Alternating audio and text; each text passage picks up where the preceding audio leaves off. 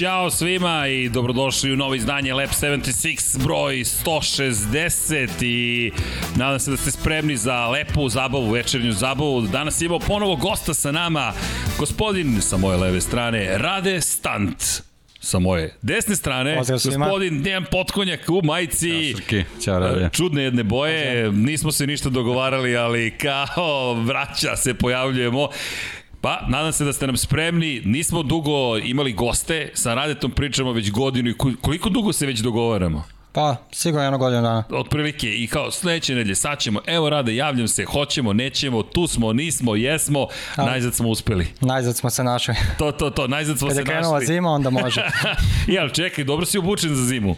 Ako... A to, to prizivam leto, znaš, već mi je dosta zime i onda sad čekam da krene lepo vreme. Palmice su tu, sve je spremno, vidi, mi svi čekamo. Ali, ej, ljudi, Počeli su dani da se polako ali sigurno produžavaju, tako da prošao je najkraći dan, makar na severnoj polu lopti, za one koji žive na južnoj polu lopti, Pa, dani su sve kraći i kraći, ali dok se sad sve to izravno potreće. U svakom slučaju, dani postaju duži, zima je tu, međutim, motociklizma nikada dosta i mi smo zamolili Radite, hvala ti na tvom vremenu. Zapravo, Rade Stan, pazi, ti se zoveš Radislav Mihajlov.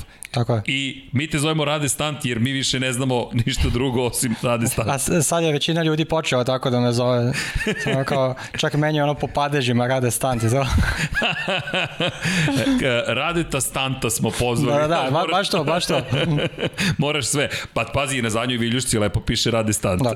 tako da, večeras ćemo pričamo o, nadam se, mnogo toga. Kako si počeo, šta je to što ti radiš, čime se baviš, kako si postao profesionalac. Pazi, jedan od glavnih stvari je bila ono za što nama čupaju uši, ti radiš i, i plaćen si za to, tako da, da je to lepo čuti i to je jedna divna priča. No, pre nego što krenemo, prvo nadam se da ste dobro, Mazite se i pazite se, vozite računa jedni u drugima i naravno radite neke lepe stvari. Evo, mi se družimo sa dragim ljudima, pričamo o lepim stvarima.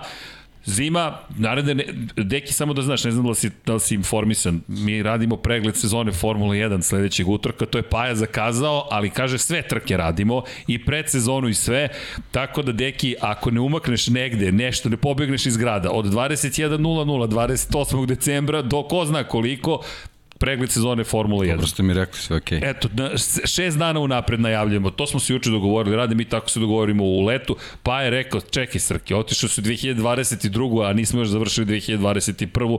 Što, upravo je. E, mislim da je upravo. Upravo je. Vidim, potpuno. možemo i MotoGP-em da se pozabavimo, ali ajde da ovdje ima prvo Formulu 1 za početak. Da stignete ove godine da završite. Tako je. Vidi, rade, pokušavamo da završimo mnogo toga. Jedna od želja je bila da nam ti dođeš. Inače, volimo prosto da širimo neke lepe poruke, neke dobre pozitivne vibracije odavde da pošaljemo. Udrite like, naravno, udrite subscribe, zato što to pomaže celoj ekipi Infinity Lighthouse-a. Posetite naš shop, ovo je reklamni period, pazi, ne znam da znaš, izdemo knjige.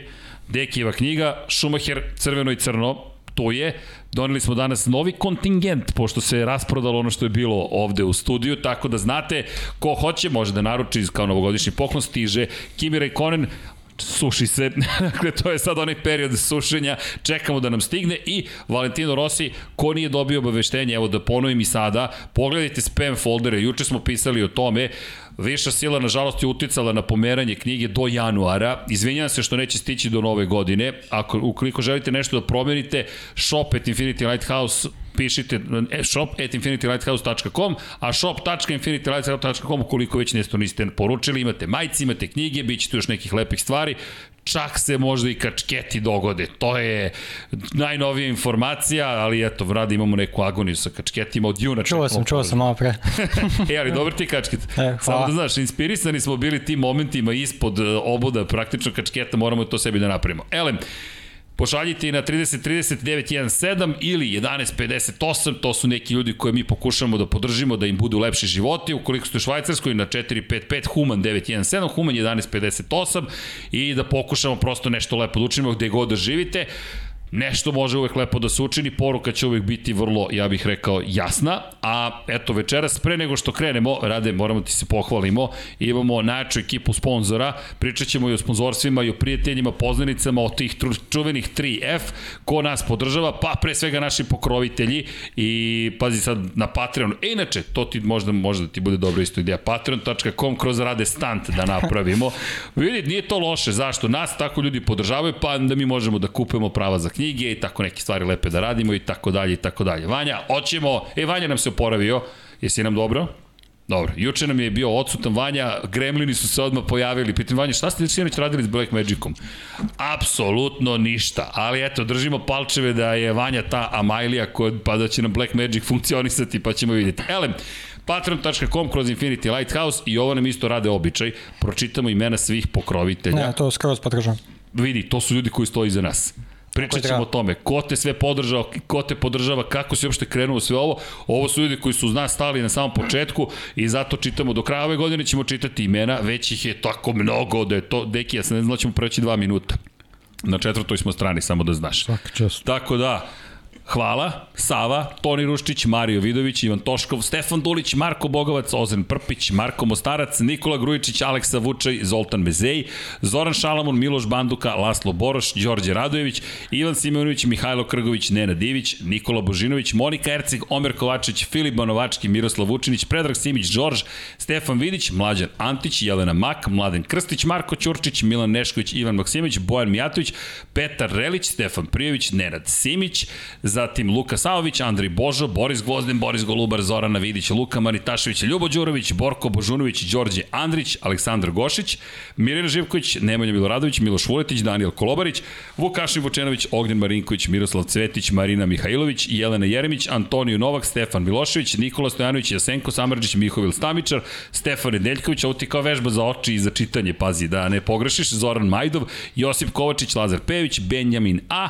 Nemanja Jeremić, da žena ne sazna, Boris Kujundžić, da, imamo da žena ne sazna, čekamo da muž ne sazna, devojke, uključite se, molim vas, Boris Kujundžić, Tijana Vidarović, Stefan Ličina, Aleksandar Antonović, Dejan Vojović, Nemanja Zagorac, Đole Bronkos, Aleksa Jelić, Aca Vizla, Igor Vučković, Milan Ristić, Branko Bisački, Nenad Đorđević, Vukašin Jekić, Aleksandar M, Žarko Milić, Dejan Đokić, Bojan Markov, Ertan Prelić, Ognjen Ungurjanović, Igor Gašparević, Alen Stojčić, Depressed, Cody Garbrandt fan. Ko je Cody Garbrandt? Nisam Google. Cody Garbrandt je UFC fighter. UFC, to sam teo da znam.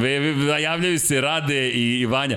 E, dame i gospodo, večerašnji podcast biće UFC podcast. Vanja se sveje od sreće, Rade se sveje od sreće, pa Branislav Dević, Favela QB4, Stahinja, Strahinja Blagojević, moramo da vratimo ljudi, Aleksandar Jurić, Vladimir Filipović, Branislav Marković, Vanja Radulović, Đorđe Đokić, Đukić, Miloš Todorov i Emir Mesić. Ima još nekih ljudi, ali eto, ajmo devojke, da muž ne sazna i može još neka podrška da dođemo do te četvrte stranice. Ljudi, hvala, beskrajno hvala. A sada, Vanja, hoćemo na glavni koncept da pređemo. Znaš, počeli smo pre par nedelja da uvodimo muziku. Kako ti se dopada? Sviđa mi se. To, malo opuštenog uvoda i da polako li sigurno krenemo. Ljudi, raspoloženje je na nivou, stigo nam je Rade, Rade stant, pa da krenemo polako li sigurno uz ovu dobru muziku, u, nadam se jedno zabavno veče. Rade, dobro nam došao. Hvala, bolje vas našao i hvala vama na pozivu i na gostoprinstvu. Vidi, hvala tebi za tvoje vreme i za ljubaznost i kulturu, mi te znamo već nekoliko godina. Dejan i ja imamo, makar imam potrebu naše ime da ti se zahvalim i za fizičku pomoć, fizičku intelektualnu pomoć. Ti si bio jedan od članova tima koji je doneo onu Yamahu u ovaj studio pre godinu dana. E, ja sam, ja sam davo instrukcije kako da se podigne motor. ja mislim da te Toma čuvao, rekao, ne, ne, ne, čekajte, to, to je čovjek jedini profesionalan, profesionalac. Da, onaj najmanji, najpametniji u ekipi. Vidi, da nije bilo tebe, ne bismo taj stunt izveli. Jer realno to je bio stunt. Po ovim ne, hodnicima. Ne znam šta je bilo gore, popeti motor ili ispustiti dole.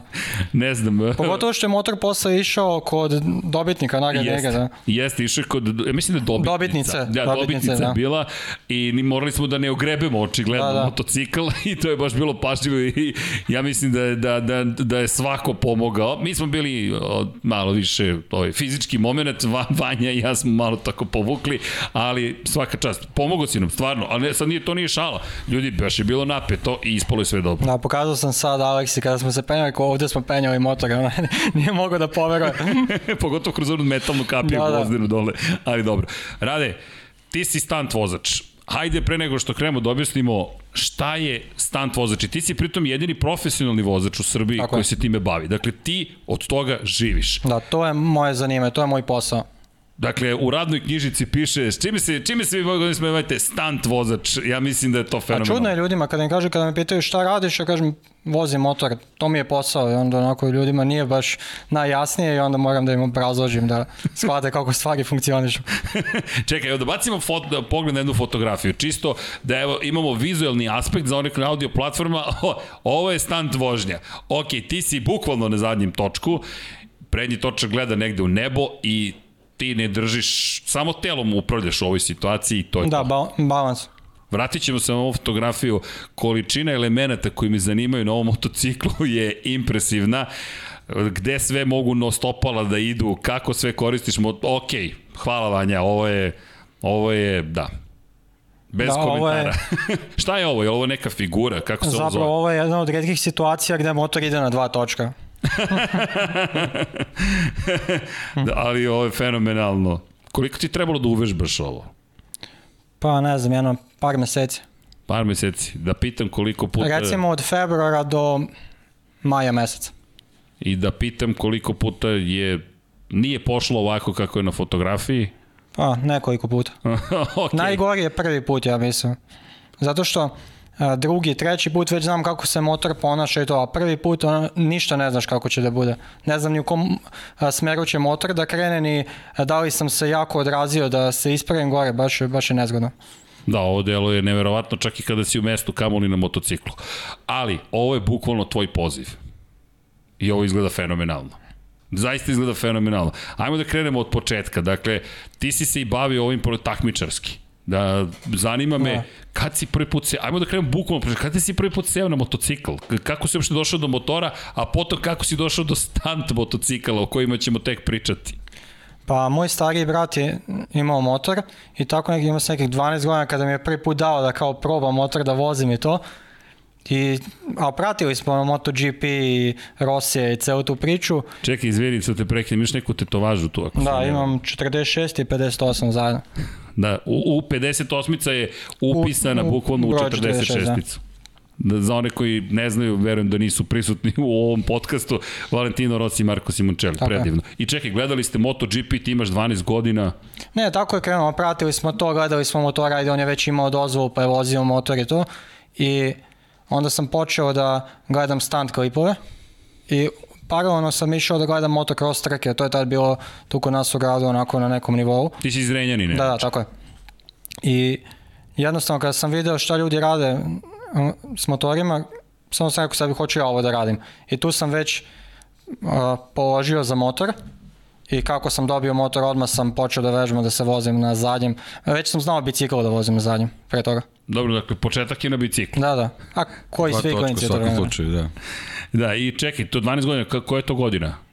Ti si To je- koje godište?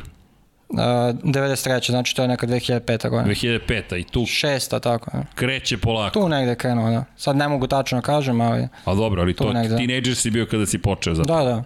I to je klasičan motocikl kojim si ti upravljao. Imao sam skuter. ok, dakle, To sam nasledio od starijeg brata. Ozbiljno. To ti je ono, kao, imam od brata, imam e, školske knjige, torbe, neke patike možda. E pa imam motocikl, imam i skuter. Super. Jel ponosan Burazer bio kada si prvi put podigao taj skuter ili kako? Je? ona i on je nešto pokušavao, ali malo smo različiti po tom pitanju, pa mu nije baš najbolje išlo. Ali to, to zvuči u svakom slučaju zabavno i to, u tom, tom momentu pretpostavljam da je bila samo zabava. Da, bilo je, mislim, kao i svi klinci u to vreme, voziš motor, ideš po gradu, zezaš se. Imaš kacigu, naravno. Da, da, to od prvog dana, ono što su me moji naučili, to da nikad ne sedam na motor, da nemam kacigu ili tako nešto. I to je ono prvo što ja mlađima i ljudima koji počinju sa celom tom pričom kažem da nikad ne sedaju na motor bez kacige. Da, Kacige i rukavice, ja bih Da, dodao. dobro, da, to, ali to bi bilo zgodno. Kaciga je ono minimum, minimum. Minimum, minimum. Pa do, ok, i ti krećeš. I od, kako to sad dalje se nastavlja? Ti imaš skuter i šta radiš? Jel možda Da, ga šta, je, podigneš? šta je sledeće sa znanjem? Znaš, kad šta- ga podigneš šta na prednji, tu, jesi da. kao toprak razgatli ogu, idem na prednji točak. Znaš, šta je sledeći potez?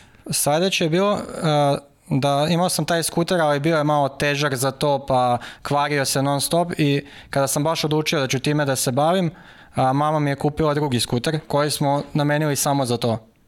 Šta to znači? Skuter je bio bolji sam po sebi ili... To je bio skuter koji su u to vreme svi koristili za stand. Ili smemo da znamo koji je... Yamaha Aerox. Ok. Da, da. I?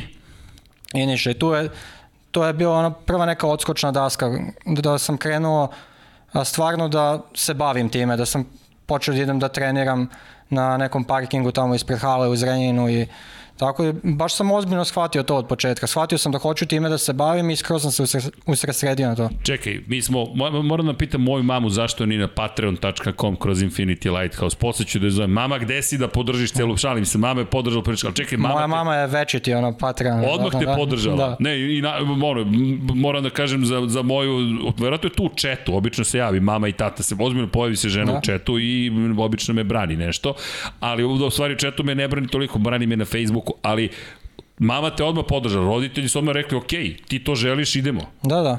Pa to je fenomenalno. A, to mi je drago što su a, verovali od mene od samog početka. Verujem da su videli da sam skroz posvećen tome i da to stvarno želim, jer sam stvarno shvatio to ozbiljno od početka.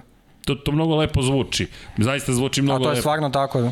To je divno. I ti krećeš, pazi, to je opasno. Dakle, oni su svesni da, Da, da. ti moraš da, da te budeš vrlo pažljiv u svemu tome. Podržavaju ti, ti krećeš s parkinga da vežbaš. Kako sad izgleda trening? Ko, ko te trenira? Ti samog sebe Ne, treniraš? sam trening. Najviše sam naučio kada sam išao da se vozim s nekim ljudima koji su već nešto u tome, ali do tada sam trenirao sam na parkingu. Pustiš YouTube, neki Da, gledam klipove i onda malo analiziram kako to ljudi rade i skidam trikove. Koga si gleda? Ko je, ko je bio ovaj, u fokusu? Ugledao sam neke momke iz Švedske, tad, tamo to bilo onako aktualno i njih sam gledao i sećam se jednog momenta kada mi je druga rekao, kaže vidiš nisi ni provalio kada si prevazišao ove ljude, a to mi je bilo ono na početku, ja sam 10 puta dnevno gledao isti klip. I čekaj, upijaš i šta radiš kada analiziraš? Korak po korak, gde ide noga, gde ide ruka, kako uopšte pristupaš svemu tome? Pazi, to je tebi svakodnevnica, nama je to da, magija. sad, pa najviše gledam, vidim neke stvari koje drugi ne vide, vidim iz kog položaja kreću u tu sledeću figuru ili tako nešto, kako da nazvam.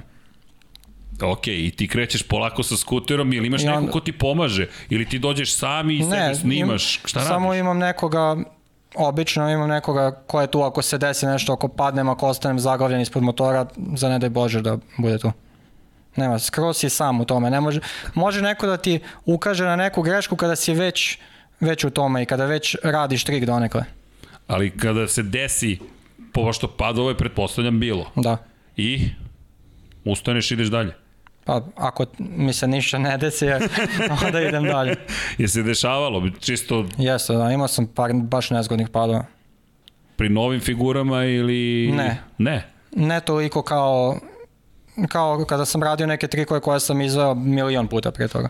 I šta se desi? Mislim da je to ili trenutak nepažnje ili jednostavno preforsiraš sebe i I to je to. jako se brzo sve desi da bi analizirao šta, šta je bila greška. A fizičke pripreme, ili imaš neke posebne, kako se uopšte pripremaš za takve stvari? Koliko su fizičke snage je neophodno za tako nešto? Pa, uh, ajde da kažem, Ili- imao sam povredu ramena Dobro? i imao sam tri operacije u dve godine i tada sam a, malo ozbiljnije počeo da radim na fizičkoj spremi. Koliko često treniraš? Pa u proseku četiri puta nedeljno. Ok, to su A, četiri puta nedeljno u teretani i motor pet puta nedeljno vozim. Dakle, praktično svaki dan. U, pa manje više, ili vozim dva dana, pa jedan dan napravim pauzu da se malo uželim, pa onda opet vozim i tako. Čekaj, jedan dan je pauze, onda se uželiš motora. Da. D- Dakle, ljubav prema motorima, to je to. Da, ga, ja, sam, ja za to živim, znači ono, idem da spavam sa mislim o motoru i budim se sa mislim o motoru. Još samo ako je motor u kući, još u spavaći sobi ili dnevno, onda je to to. E, Imali smo jedne godine jelku, stavili smo skuter na zadnji točak i onda smo ga ok- okitili, tako da imam sliku negde na Facebooku. Stantovao je To motocikl. je jedino što se mama žalila da je rekao kao, aj curi gorivo, znaš, smrdi kuća na benzin. Ali sve ostalo je okej. Ali stojao do, kraja, do kraja zime stojao tu. Super. I čekaj, jesi ušao u neka takmičenja, kako ide dalje put? Koji uopšte put imaš? Ti si u Zrenjaninu, vežbaš na nekom parkingu, kako Prvo sada napreduješ? uh, prvo takmičenje sam imao u Mađarskoj, Dobro. tada sam bio peti, što je za mene, a te godine sam i dobio taj skuter i sve, i to je tada za mene bio neverovatan uspeh. I već sam sledeće godine bio vice šampion Mađarske, Mađarske i Bugarske i sledeće godine sam bio prvak u tri države istovremeno. U, gde si sve to bio prvo? A, u, Hr u prvak Hrvatske, Mađarske i Bugarske. Jel to znači da ovde nije, nije bilo mogućnosti da ta takmičenje... Ne, kod nas apsolutno nije bilo nikakvih A u takmičenja. tom, tim trenucima kad si počinio, jel bilo još nekog... Da, bilo, je- bilo je se tu nekih time. momaka koji su se bavili time i sad ima nekoliko ljudi koji se bave time, ali niko na toj razini. Da. Da. Kako onda izgleda taj odlazak u Mađarsku? Mislim, šta si očekivao Uf. odlaskom tamo? Ne znam, to kada sam sve video, kako to zapravo, jer tada su već ljudi bili profesionalci, živeli od toga, pričamo o 2010. godini. Ja kada sam to video, ne, prvo te ljude sam ja znao sa YouTube-a, sa Facebooka, bilo mi je samo da mogu da vidim jednom uživo kako oni voze, a posle sam postao prijatelj sa njima i, i dan danas smo prijatelji, čak sam i vozio sa njima posle kad sam prešao na veliki motor. Sjajno. Šta to- A reci mi samo vezano za, za to takmičenje, ajde čisto, čisto da prođemo ovaj, kako, se, kako se vrši ocenjivanje, kako to ide, je li to nešto, nešto slično kao drugi ekstremni sportovi? Pa uglavnom ili- kao drugi ekstremni sportovi, uglavnom su sudije nekadašnji vozači, što je nekako i najrealnije. Pa da, da. I šta se sve ocenjuje? Ost... Ja ću nastaviti da pričam, stiže, vidiš čovjek se hidrira, deki, mi to ne radimo. Malo to, sasađe malo. da, da, ali to je profesionalac. Čekaj, šta se sve, kako se ocenjuje uopšte? E, Ka, koliko imate vremena, krugova, čega, šta se sve uglavnom radi? se vozi 3 ili 4 minuta. Dobro. I, I sudije imaju neke svoje parametre po kojima ocenjuju. Sad, da li su to trikovi na zadnjem točku, na prednjem točku, uh, trikovi na oba točka, onda se ocenjuje uh, s kojom lakoćom radiš trikove, kakav ti je flow i sve to. Ok, to, pa vidi, to, mi to ni, bukvalno ništa ne znamo iz tvoje perspektive, znaš, to sa strane ovako gledaš i kažeš, čekaj, baviš se stunt A nisam se, nisam se puno ni obazirao na to, gledao sam samo da odvozam najbolje što mogu u tom momentu. i to je to. Da, nisam, nisam puno gledao na studije to samo sam gledao da dam svoj maksimum i onda da vidim gde sam. A kako si se spremao? Kažeš, ok, izvišću ove figure ili je to moment inspiracije ili se pripremaš tipa vežbaš to već kod kuće na trening poligonu koji god da je poligon Pa, Kada pripremiš sam sve? na treningu onda radim trikove tim redosledom kako bih radio na nastupu ili na takmičenju. Ok, i to bukvalno vežbaš u toj minutaži kao da će takmičenje biti. Da, da. I koliko dugo si se takmičio? Takmičio sam se do 2018. To je, to je period skoro 10 godina praktično, Da, tako? da. S tim da sam od 2013. počeo sa takmičim sa velikim motorom. Šta znači veliki motor? A, motor od 600 kubika. I koji je bio izbor? Kawasaki 636. Jel Možemo samo baciti pogled vanja na onu prvu fotografiju. Zašto? Ljudi, da, je, je li to taj motocikl? Ili... A, jeste samo u mnogo izmenjenih Mene verzija. ne podsjeća na Kawasaki, pa me zanima šta si sve uradio ovom motociklu, kako smo došli do ovoga, pazi, ovo, ovo je neki trellis ram, ta, šta je ovo tačno? Ram je pravljen, pravio ga je jedan čovjek iz Češke koji je pravio samo ramove za stand motora, jer taj motor konkretno ima problem sa ramom, puca ram od potresa, od vibracije i od svega. I Ti si napravio sebi ram. kompletan motor je prepravljen samo za to. Ne vidi, deluje kao da ne, mene ne podsjeća na Kawasaki na prvi pogled. Da, podsjećate na KTM, jel? Ba, Da, pre svega, pa treli sram i onda gledaš i razmišljaš, čekaj, da radiš šta je ovo i kad si mi rekao da je Kawasaki, rekao, ok, molim te, objasni mi kako, su- kako je ovo Kawasaki. Zapravo ovo je Radetov stunt motocikl. Šta je ostalo od Kawasaki ovde uopšte? A, ostao je agregat, točkovi, a, zadnja viljuška, rep, delimično, rezervoar je isto skroz prepravljen, Da, rezervoar ima posebnu ulogu zapravo. Sveći kad sam bio kod tebe u gostima, rezervoar je posebnog oblika. Da, da, zato što sedim na njemu i skačem na njega i sve. I posebno je, možda na onoj drugoj slici će se bolje vidjeti kakav je rezervoar. Da, rezervoar ima posebnu zaista ulogu. Po- Obratite pažnju na rezervoar. Nije uobičajeni. Daleko od običajnog. A je li ovaj Kawasaki bio tvoj izbor ili je to neka, neki uobičajeni izbor za... A po za nekom savetu stantove? starijih kolega sam odlučio da uzem Kawasaki, ali za sledeću godinu ćemo imati uh, nov motor. Biće Yamaha. Pretpostavljam da opet ideš ka tome, koji su Yamaha uzeo? R6. R6, Isto je 600, 600, da. 600 kubika i ta racerka će postati stanterka. Da, baš da. da, okej. Jel ona sad uh, spremna za sledeću godinu? Sad je trenutno skroz fabrički motor. A biće, u tokom zime ćemo je napraviti da bude baš onako motor po mojoj meri. Šta sve planiraš da menjaš? Sve. ok, Kratko, Vanja, sve. jel imamo onaj video spreman možda? Ljudi, bacite pogled na ovaj video. Ko je na audio platformama? Ja vam toplo preporučujem da ovo pogledate nema adekvatnih reči koji može da se opiše ono što rade čini u ovoj, ovoj celoj priči. Ra, ovo inače možete da nađete kod radite na njegovom zvaničnom YouTube kanalu. Mi ćemo postaviti link ka radite ovom kanalu. Zašto? Pa da možete da lajkujete, subscribe-ujete se na njegov kanal i da ga podržite u ovome što radi, pošto ovo jeste jedna zanimljiva bitka i čućete priču uopšte šta sve čovjek radio tokom ovih godina, kako je do toga došao, došao do toga da bude stunt profesionalac. Vanja, udri, jer ovo je pravi uvod.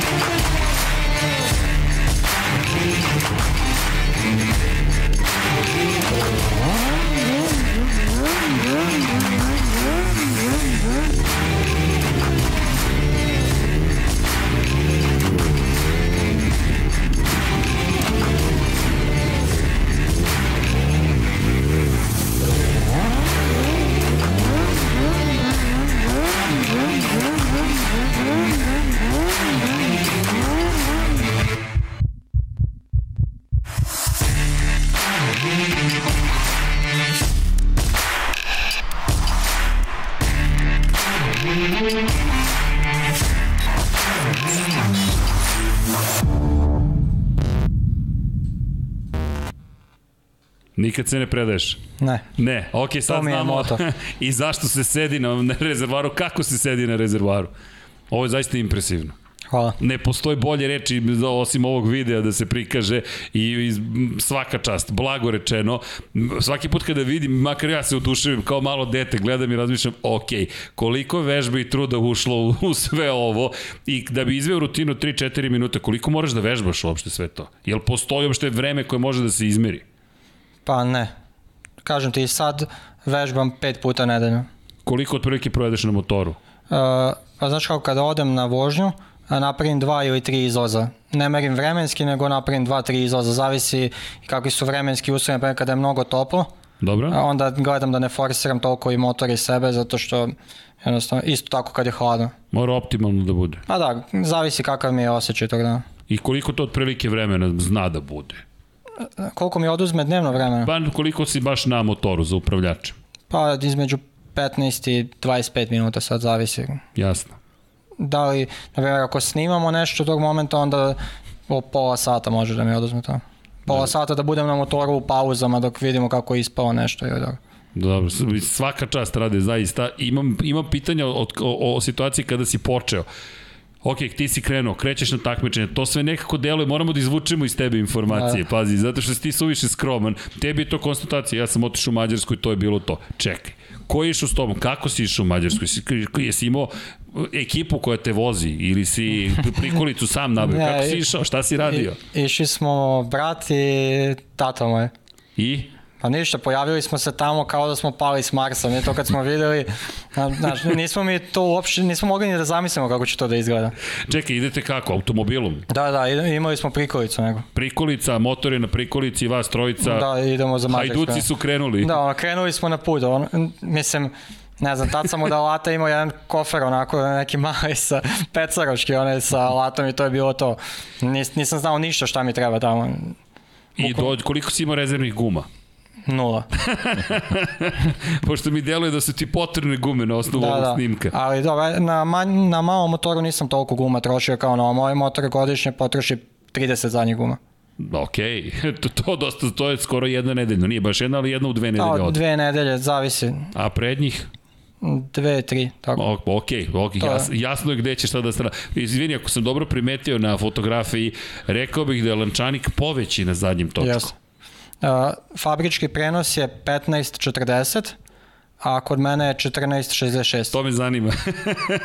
ok, to je malo veći prenos. Da, znači 26 zuba nazad plus i minus 1 napred. I dobiješ ovo što smo dobili. Šta ti više znači na motoru? Obrtni moment, konjske snage, šta je bitno? Prenos? A, prenos je najbitniji.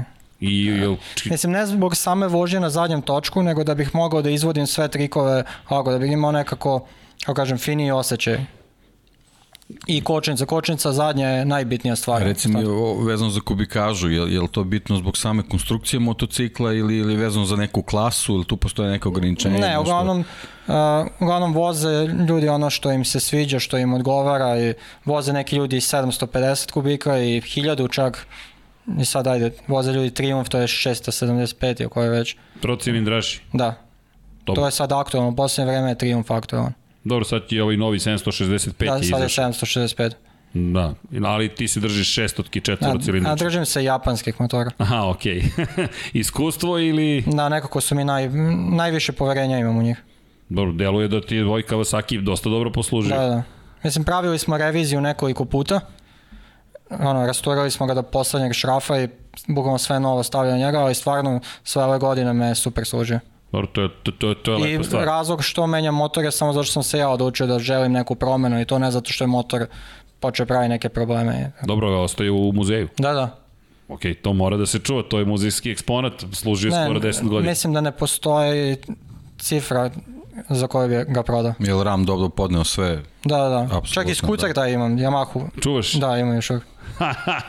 Dobro, to mora da... Ništa, samo pozvaćemo se jednom prilikom u Zrenjanin da vidimo kako to izgleda. Da, ti si bio, ovaj motor sam. već bio spreman za Jeste, put. jeste, ti si se spakao, ti si bu, bukvalno išao. Ej, čekaj, ti si tada išao u Asen. Da. Šta si radio u Asenu? Vozio sam tri dana na MotoGP trci.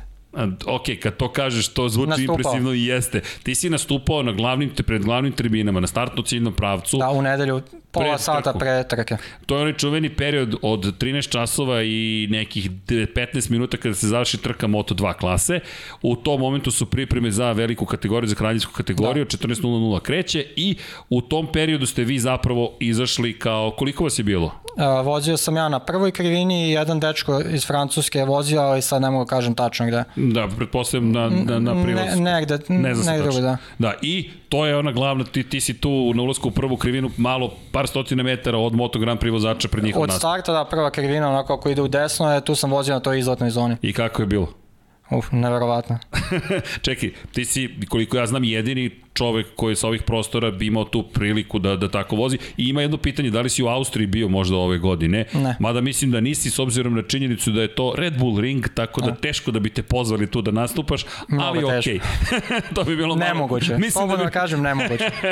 mislim da bi to zaista bilo Ja sam iz nemoguće. drugog klana.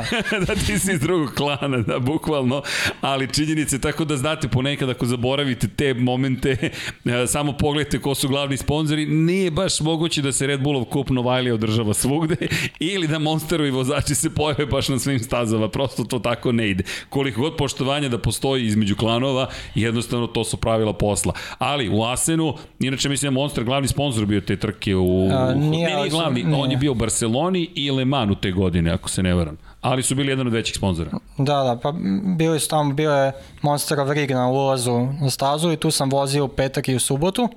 I u nedelju, čak posle tog nastupa na stazi, još jedan nastup smo odradili, jer toliko ljudi bilo da Ove, bukvalno nismo mogli dva sata nakon što se trka završila, nismo mogli da se spakujemo jer su ljudi sve vreme izlazili. Kako je došlo od toga da uopšte odeš tamo?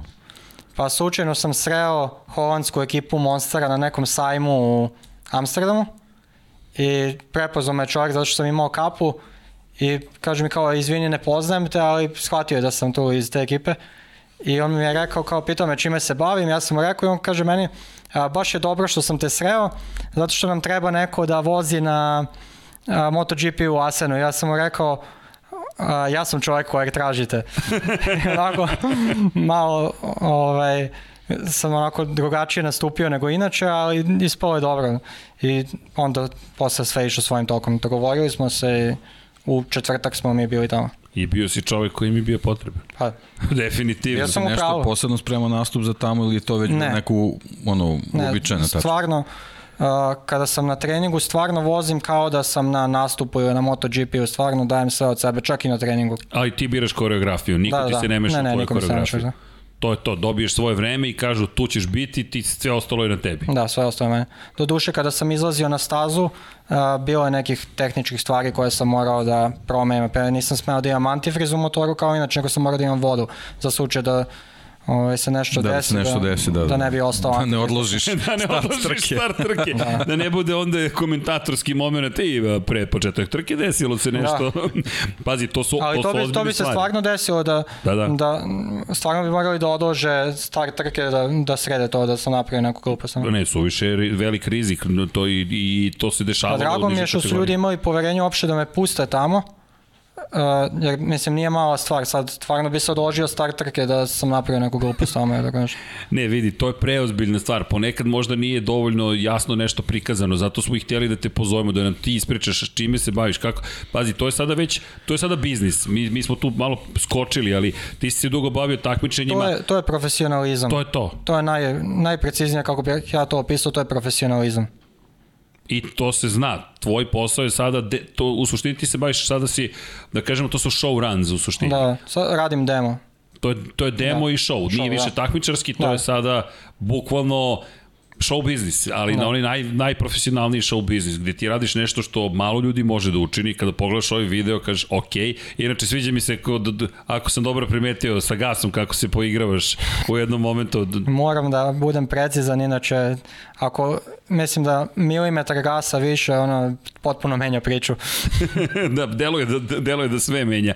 Ali da se vratimo na MotoGP, ti bukvalno nastupaš na MotoGP i to je velika i čast, ali velika i potvrda svega što si učinio. Mislim da je to kruna moje karijere. Što ne znači da mi je to, da sam sad vozio na MotoGP-u i da nema ništa dalje, dalje. kao da, ne, da, da. cilj mi je da idem na još mnogo MotoGP trka i da vozim i dok god ja želim to da radim. Dobro, to je COVID učinio svoje, Dobro, pretpostavljam. da, sad je malo cela priča, da kažem, stala zbog COVID-a, ali ga stala je ceo svet.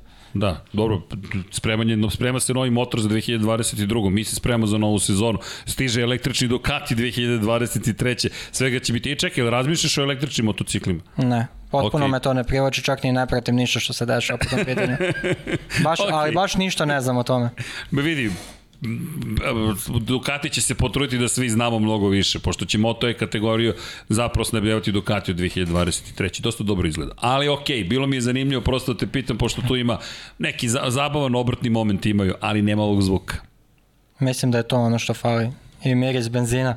Da, pa deluje mi ovaj, ako se dobro Remus, dosta dobro izgleda i do, deluje da dobro zvuči.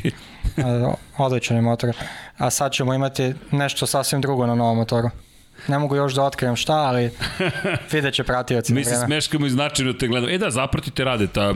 Ja ću sad da podelim i sa Instagrama gde možete da zapratite Radeta i koji je Radetov YouTube kanal, tako da pružite podršku čoveku. Zašto? Pa zato što je to deo zabave, zar to nije predivno učiniti? Samo da, evo ga, Rade Stant je zvanični YouTube kanal, tako da, ko je večeras sa Da, nama? Instagram je isto tako. Da, Instagram, to je bitno, podrška je naravno bitna. Evo, Elem, Rade, došli smo do Mađarske, malo smo preskočili nekih stvari, ali ja bih da te vratim ipak unazad. Roditelji su te očigledno podržali, cijela porodica te podržala. Da. Ko te još podrža? Kako ste uopšte izveli sve, kako ste sve to uspeli da izvete? Nije samo potrebno kupiti motocikl, sve to košta. To ko podržava se tu celu priču? A najviše, posle porodica, najviše prijatelji. To je ono 3F što smo Da, pričali. baš- Friends, baš- Fools and Family. Baš to. I to je to. Ljudi, oni koji su radili bilo šta u poslu, u životu, to je čuveno pravilo, to je Filip Denis, inače čovek koji je snimio i čuveni film o Bruce Lee-u i pisao i dok Bruce Lee još nije bio Bruce Lee, napisao je čuvenu knjigu kako da postaneš milioner. Nije petparačka knjiga, nego je bukvalno napisao šta je sve prolazi u njegovo čuveno pravilo. Friends, Fools, Family. To su ljudi koji će Ali vam to je dati baš pare. stvarno tako. A to zaista tako. Porodica zato što te prosto voli, zajedno, Da. to je to.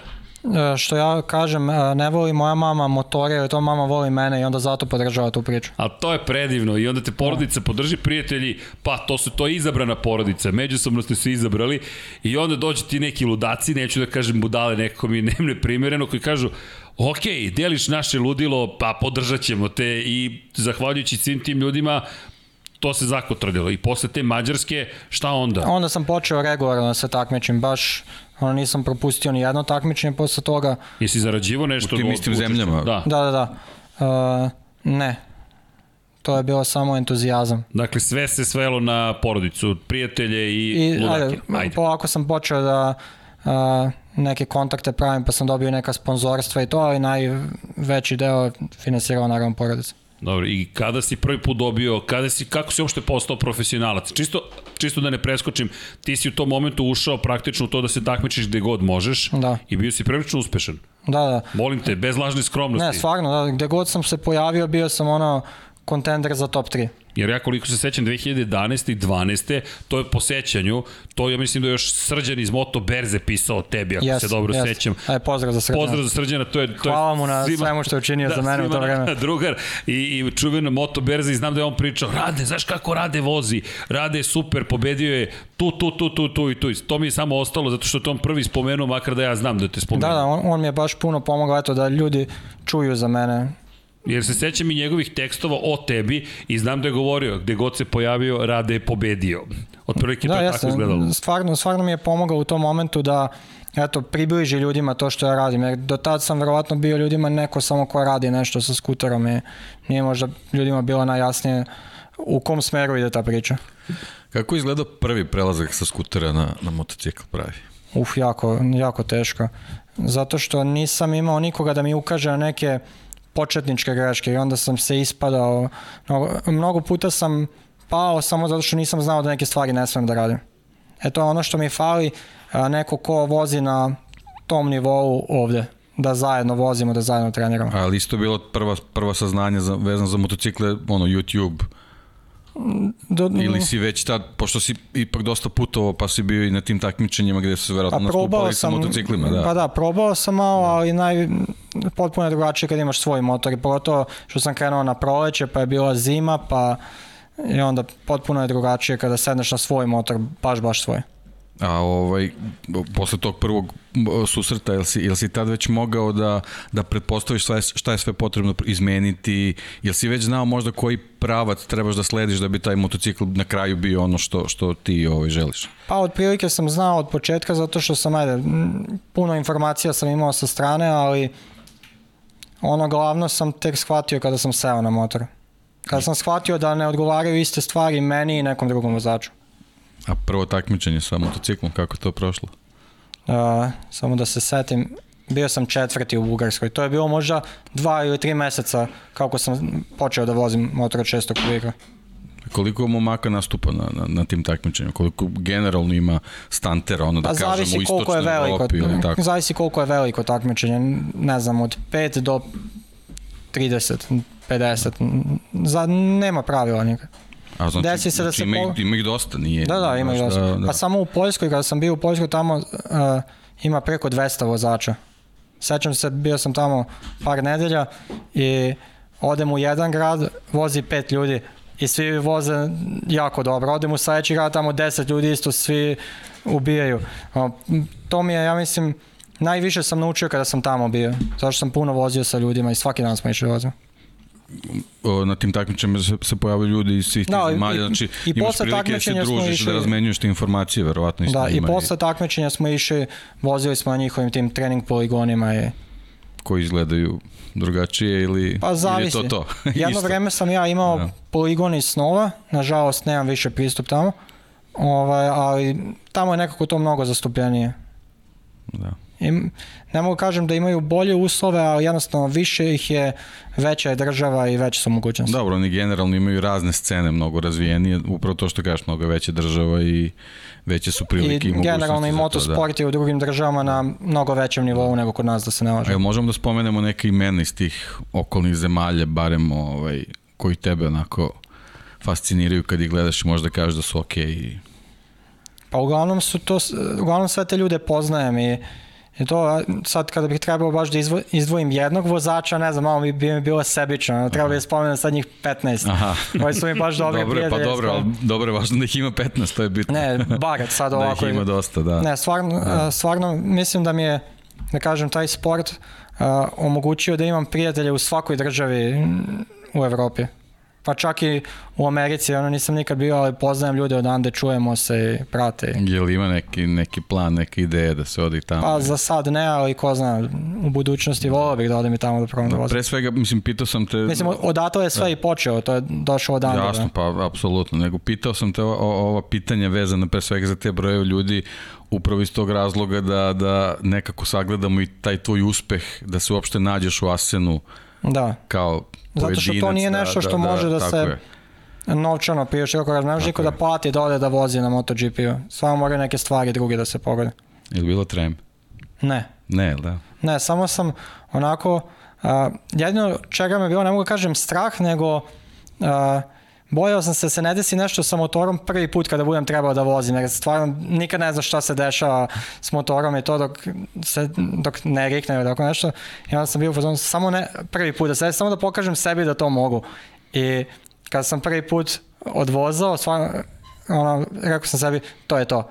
Ono, sad ne može više ništa da se desi. Pokazao sam sebi da mogu, vozio sam i, i stvarno nije bilo nikakvih problema. Kako sa staze izgleda ako ne pune tribine? jel? A ne znam, kad sam ušao motorom na stazu, tek sam shvatio kako je njima zapravo kada voze tamo. Koliko je to sve široko i brzo i, i koliko, koliko je to prostranstvo uopšte. Da, se nije. Ono, mislim, ako, ako je neko mesto, ako si mogu da biraš da, da to uradiš, A i je generalno jasno, publika je da. takva da stvarno su ljudi stvarno mislim da nikad nisam bolju publiku imao. jer Toliko, toliko Znaju. ljudi vole motore i znaju šta je to. Um, sećam se pri, kad sam izlazio posle prvog nastupa, on počeli su ljudi da skaču na mene.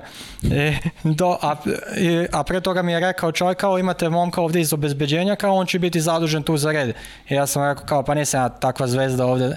Da, ali jednostavno ljudi vole to i samo im je bitno da se nešto dešava. Jesi koristio bezbeđenje na kraju? Da, morao da skloni ljude da možemo da uđemo ispod tende, zato što ni- nisam mogao da se vratim tu u boks, ali stvarno ljudi su kulturni, kad su shvatili, ono odmah se sklonili. I kakav je osjećaj taj moment bio kada je gužva odjednom tolika? Uf, A nemam ja taj problem sa, sad zato što me gleda puno ljudi. Ne, ne to, nego kakav je osjećaj kad dobiješ i tu vrstu priznanja, da neko kaže, ej čekaj, ti si neko ko radio nešto Pa lepo je, kako, fenomenalno. kako može da bude, im puno je ti. Naravno, ne, pogotovo taj startno ciljni pravac, deki, pa.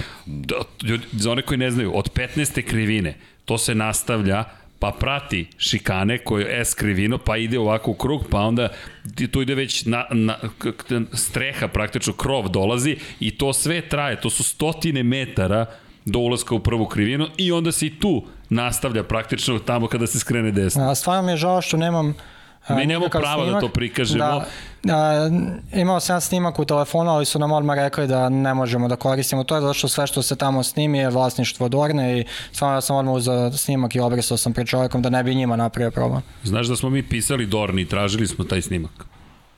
I Odgovor je bio ne. kratko to, i to je jasno. deo sponzorskog paketa i to je commercial project, to ne možete da dobijete.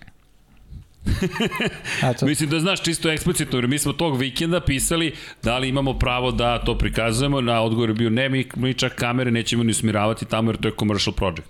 I ko zna kome na kraju pripadaju prava i ko zna kako je sve to, sve to izgledalo. Ali, Ja, mislim da je to mnogo komplikovanije nego što ljudi misle. I, vidi, mi iz iskustva znamo Vi to znate to još bolje od mene. Pa imaš kratka samo anegdota.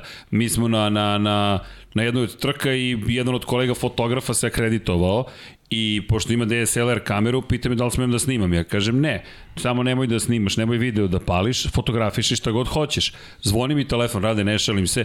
Srđan, do you know this man? I ja kažem da znam, on je deo ekipe koja je došla, došli smo zajedno. Kaže, da li možeš da ga pozoveš i da ga zamoliš da više ne koristi fotoaparat kao kameru? A on stoji pored boksa, ne, ne, mislim da je bio pored Markezovog boksa. I ja ga zovem i kažem, ej, sada ne imenujem čoveka, jesi snimao kamerom, kaže kako znaš, rekao da ti pa pokušam ponovo da ti objasnim, kao što sam ti rekao kad smo ušli, sve prate, sve vide, imaš, sad si se izvukao, neće ti oduzeti akreditaciju, idi do prve osobe koja nosi badge Dorne, pokaži fotoaparat, da pokaži da si obrisao kadrove i nastavi da fotografišeš i molim te nemoj više pališ video. Zaista izgledalo kao iz zone Na, sumraka na mnogo ozbiljnom nivou je to sve tamo. Bukvalno sve prate, ali bukvalno sve, ali su isto tako ljubazni i rekli su, ok, pošto znamo da ste svi zajedno nekako došli, nismo jedan tim, ali de facto ulazimo svi zajedno na stazu. Pa dok smo ulazili na stazu, kada sam vozio pre starta trke, uh, troje ljudi je išao sa nama uh, da bismo mogli da uđemo tamo. Da, da, posebna je priča, ali vidi, to, to je zaista veličanstven moment, ti si u trenutku to deluje kao samo trenutak, ali to je mnogo više od toga, to je ono što si rekao vrhunac, ti si šta si sve radio, kao neki klinac, ne pogrešno shvatiš, ali Ne, ti ne, si baš je tako, 12 da. godina, krenuo sa nekim skuterom negde u Zrenjaninu na parkingu, da sanjaš neki svoj san, ne odustaješ i dobiješ podršku roditelja, dobiješ skuter koji je bolji za stantovanje i onda te tata spakuje u kola zajedno s burazerom. Koliko stari je burazer? A, tri godine. Tri godine. Stari brat, vidi, to su ozbiljne godine u tom periodu. Ti imaš, on ima 15 i 12, ej, vidi. Ne, ne, a, 14 sam imao kada sam Kad počeo si- da vozim znači motor. Sa 17. 12 sam počeo da pratim tu neku priču Dobro. i da a, on mi je davao motor da vozim bez dozvole, pa su nas čak jednom i uhvatili da sam vozio motor bez dozvole. Ove, Zašto svaka priča ovoga tipa ima istu situaciju? A dobro, a drugačije vreme bilo tad malo. I, ovaj, ali, kažem, sa 14 kada sam položio, tad sam počeo, a mislim da sam odmah počeo da pokušavam da vozim motor na zadnjem točku. Mislim, ne znam da je prošlo mesec dana. I, i dobio si podršku, brat, tata i vas dvojica, vas trojica zajedno odlazite i to tako kreće. Tako je I ti sad od priča. toga, bez ikakvih rezervnih guma, bez ideje šta radiš, učiš jedno, drugo, treće, četvrto, peto. Ali već sam, već sam Dobro. dosta trikova znao da napravim. I stvarno sam vozio već blizu kao ljudi koji su bili u toj klasi uh, Svaka prvi, drugi, treći. Ali bukvalno svaka čast. Dakle, ti nemaš nikoga ko te sa strane gleda i kaže ti ovo si uradio pogrešno ili dobro. Ne, samo moj osjećaj. Šta je najkomplikovanije na skuteru? Mislim e, da je najkomplikovanije to što skuter nema toliko snage kao veliki motor. I čim, na primjer, malo oduzem gas, ako previše to napravim, uh, spusti se na dva točka. A kako sad to kažem, figura, šta je najkomplikovanije iz tog razloga uraditi na skuteru? Pa, ne mogu sada da kažem šta je najkomplikovanije, ali kažem, a najveći je problem što ne možeš toliko da ispravljaš svoje greške kao na velikom motoru, gde imaš pritom i kvačilo. A na skuteru da toga nema. I da, ajde, ajde jedna stvar. Pošto ovo mi često spominjemo. Pre, kočnica zadnja koja se nalazi napred, sada sve češće Da, na ispod Grand Prix. da. Svi Kod mene ispod kvačeva. E, to sam htio. Ti si mi prvi pokazao zapravo neke stvari koje sam kasnije video vrlo precizno, na, jer nije običaj bio da se na Moto Grand Prix motociklu, to smo baš diskutovali pre nego što smo počeli, palcem su upravljali zadnjim kočnicom. Da, Sada su prebacili zapravo da bude da klasična ima kočnica. ručku kao, Ručku, isto da. kao što ja imam, da. Da. Samo što drugačije stoji, ali princip rada To je su isti. videli u Asenu, znači. Tako je. Skinuli su mi forum. Ali vidi, svi je zovu, sku, naše kolege zovu skuter kočnica. Mi je zovemo stunt kočnica. A to ti zoveš zato što smo mi drugari, pa... Vidi, pa mu, mora da se tamo... Video si pre njih. Sa malim R u krugu. Da, da. Registrid rade stunt trademark. Pa vidi, ali da. Jer, znaš, gledam i razmišljam, skuter, skuter svako može da vozi. Moto Grand Prix i stunt motore ne može svako da vozi. Drugačije. Blago Blago rečeno je rečeno. drugačije. Čekaj, a zašto je zadnja kočnica napred? Šta ti to omogućava? Uh, omogućava mi kada mi noga nije na pedali, što je jako često, omogućava mi da kontrolišem motor, zato što inače bi se prevrnuo na leđa. Ti zapravo... Za, zadnjom uh, kočicom kontrolišem balans da se ne prevrnem nazad. Kombinacija gas zadnje kočnice I kvačilo. i kvačilo. Da. Dobro, to je jedina razlika u odnosu na Moto Grand Prix. Na Moto Grand Prix Kaži ne diraju na kvačilo, Čekaj, kak, kak, ajde da sad... a, Možda nam kaži pokažeš. prst mi je na kvačilu Dobro. i srednji prst mi je na kočnici. Istovremeno koristim obe. Obe ručke, da. A desnom rukom dodaješ gas. Da, baš tako. I sve tri stvari radiš u isto vreme. Ok. U, U, u datim situacijama. u datim situacijama. Koliko nogostupa imaš na motoru? Uh, ne imam ove gde inače držiš noge, da klasične i samo tamo gde su inače nogostupi za suvo, znači to je prepravljeno i ojačano da mogu da stojim na tome. Ima još neki ko... Pa, na momentu Ne, imam, imam rupu u sedištu i Dobro. tu zaglavim nogu, na primjer kada vrtim krugove bez ruku, Aha. a tu mi je zaglavljena noga i tu mi je oslonac. Dobro. Jer vidi, gledali smo šta sve ima na motoru, šta, šta, ako možemo, Vanja, čak ona prva fotka, ne znam ili koju god želiš fotku, Možda ali, da izmenjam malo pa ćemo vidjeti. ajmo da vidimo, da, pa čekaj sad, No, ovo je drift, šta tu to se ne, znači? neće vidjeti. Pa drift kao sa kolima, vrtim se u krug praktično, I- bez prednje kočnice. Šta radiš sa de, levom Rukavizam. rukom? Ok, d- dodaješ gas, a leva ruka Ništa, samo držim u pripravnosti na kvačilo. za svaki slučaj. Da, da, da. Ok. Ovo je, Da, samo što nije isti ugao. E, to jest isti ugao kao ona slika što smo videli. E, ne vidi se kako mi stoji leva noga, da je praktično Jasno. ima rupa u sedištu gde mi je oslonac. jasno, ako je ovo poza, mislim, ima neki naziv profesionalni, Uh, no hander. a rade u žitu, pazi. dobro, no hander, dobro. Mama bez ruku i onda nemoj. Ovo je drift isto, samo sa sedećim, praktično normalno kako sediš na motoru. Šta ti je od ovoga najlakše? Pa sad mi je sve lako kada ono, Da, ili ima nešto što sada smatraš teškim, zahtevnim? Zapravo mislim da je ovo najlakše na motoru napraviti, ono, burnout.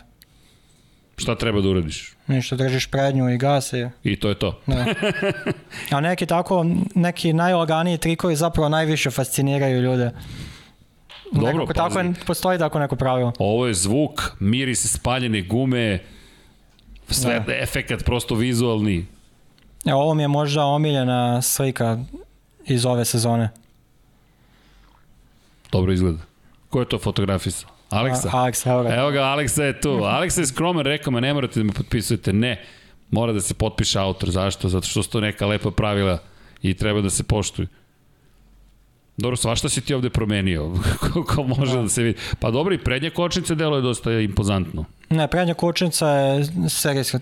Samo Serijska. je pumpa druga, ali Dobro. o, prednja kočnica je, eto, to je serijska. Vidi, videli smo ovu crnu Air Yamahicu, to je to ta crna koja će biti promenjena na Instagramu. Da, da, da, Dobro. to je da. Dobro, baš me zanima u kojim bojama će na kraju da završi. A, neće biti naranđasta. Neće biti naranđasta. A, dakle, to je potpuno Krećemo promena. nešto novo, da. O, hoće biti havajski momenti kao kod Rosija. neće, neće, neće. Mada, ko zna, možda i bude, zavisi kako, Raspoloženje. budem, kako budem raspoložen u tom momentu, da. ako Koliko dođe, bude hladno taj dan. Zavisi koliko potraje zima. da, da, To, to. i, i, ako dođu navijači sa Havaja. e, ali imaš klub obožavalaca možda ili nešto tako? Ne. Moramo da napravimo. Klub obožavalaca radi. Imam fanove koji prate verno i stvarno a, bez njih nikada isto ne bih stigao tu gde sam sad. Stvarno, hvala svakome ko podržava tu moju priču i ko prati, jer stvarno mi znači njihova podrška i poruke koje mi šalju i stvarno nekad mi a, samo to onako, kažem, moram da vozim i zbog tih ljudi koji me prate i podržavaju. Jel imaš dane kad kažeš, "Uf, u što sam se sad upleo? Pa svako ima te dane. Ne, verujem da ima, nego i onda taj moment dođe, a svi ovi ljudi koji su uz mene, ajmo. Da, na primjer to kada sam bio tamo na MotoGP-u, ono što sam rekao sebi da ne treba da budem sebičan, jer ne vozim tu samo za sebe, nego za sve ljude koji su uključeni u tu priču. Znači, porodica i drugari i fanovi i partneri, sve ljude tamo predstavljam.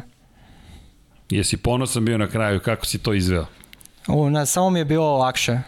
E, Samo sam dokazao sebi da to mogu, ali verovao sam u to. Lepo. E, inače, kada si nastavio sa takmičenjem, u kom momentu dolazi profesionalni deo?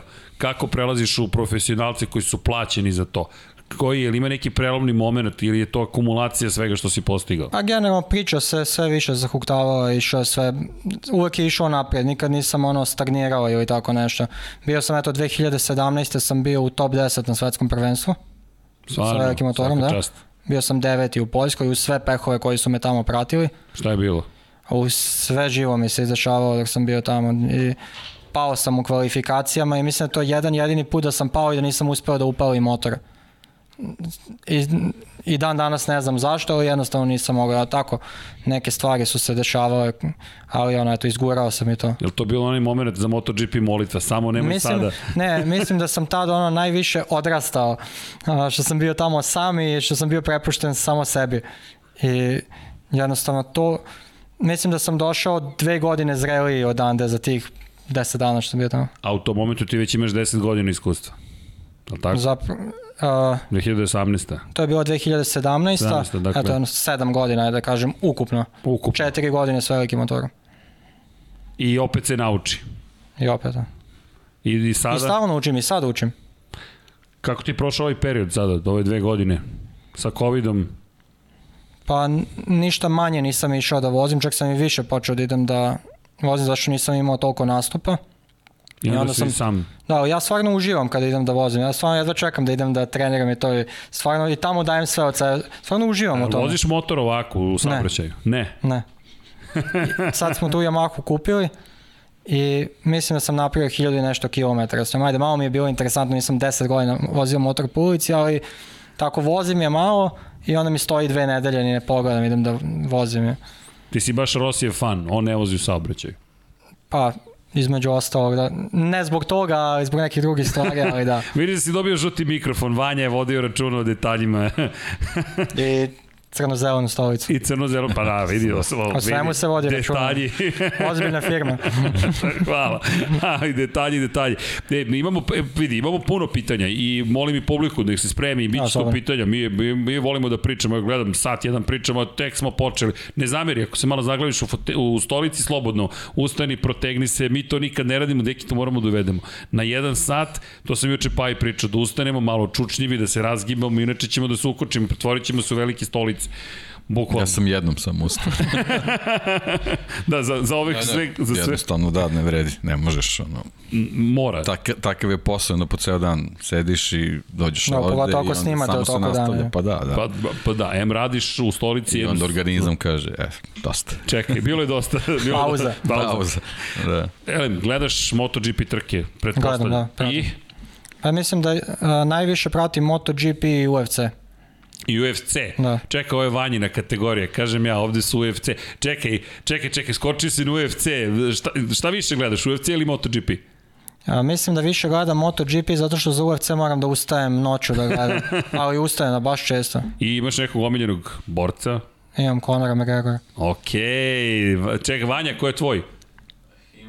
Ima ih više, Vanja, Vanja ti je ozbiljno u, u celoj priči. On mi onako, ne znam, iz nekih drugih razloga, ali ovaj, nekako dva najveća atleta u mojim očima su Rossi i Conor McGregor.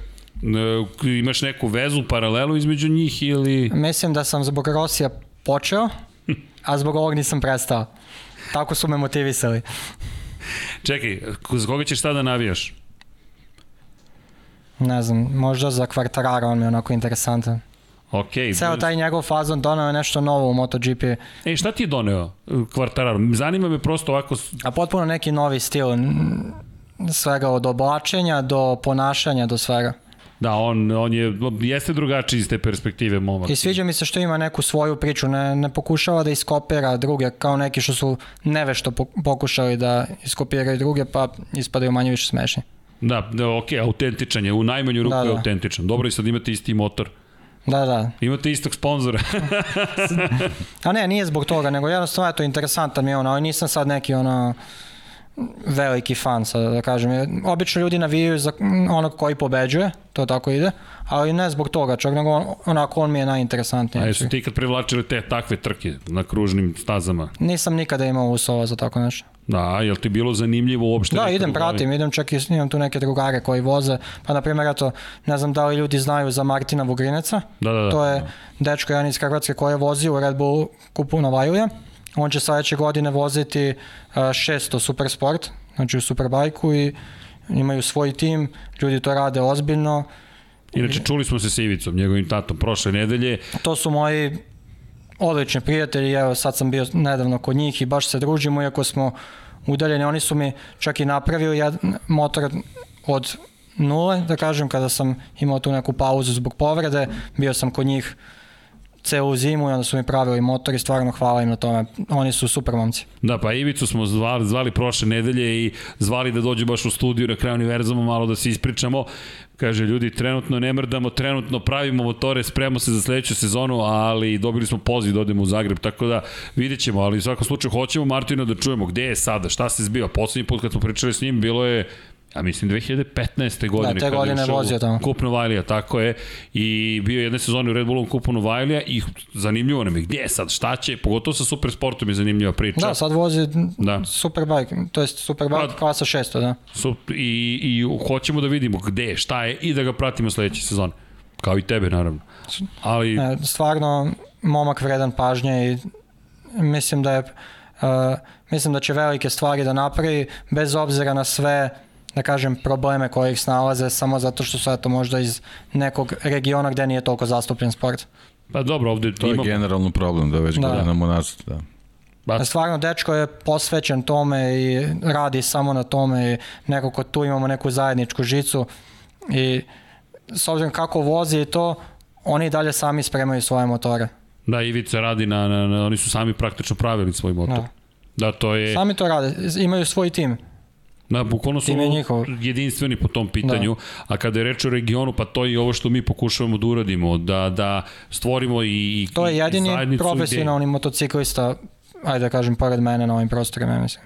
Pa na tom nivou, da, kada govorimo o, o svetskom nivou i mi se zaista nadamo Martina da ćemo videti, to bi, to bi bilo fenomenalno. Ja mislim da bi bila super emisija sa njim da ček, čekamo da se neko da. poklope kockice. Pa vidiš, i ti, ti si nam tu neku komšiluku praktično pa dok se sve poklopilo. Da. Ali da, trudimo se, se da dođe ljudi u da. studiju, jednostavno preko Zoom. Da, da ispriča tu neku priča, njihovu priču i da kad se sedne mislim da bi ljudima baš bilo interesantno čuti to. Pa da, i ovo deki što kaže, znaš, drugačije kad je čovek tu, kad je prisutan, da. znaš, kad je Zoom, ok, ali nekako kad se vidite, kada, kada možete da se pogledate u oči kada pričate, pa i onda pre nego što dođe pa se malo ispričaju anegdote, gde si, šta si, šta radiš, kako je bilo, gde ste bili poslednjih nekoliko godina, da zato, zato nam je nekako težno da se da, da baš budu gosti u studiju i da proširimo priču o tome šta sve ljudi rade na ovim prostorima. Možda da, i dobro je što mnogo, ljudi mogu da postave pitanja i da čuju on direktno ono što ih zanima. Jeste. I to, to nam je inače jedan od sastavnih delova cele priče, tako da ljudi budite spremni i udrite naravno like, čekajte like, subscribe, vidim da nas ima malo više nego lajkova. Da, da inače evo Luka Bjelić kaže, Srki pitaj gosta, da li neki trikovi izvedeni po prvi put dobio imena po momcima koji su trik izveli? Mm, da. Da. Da. Ili ima neki rade, trik?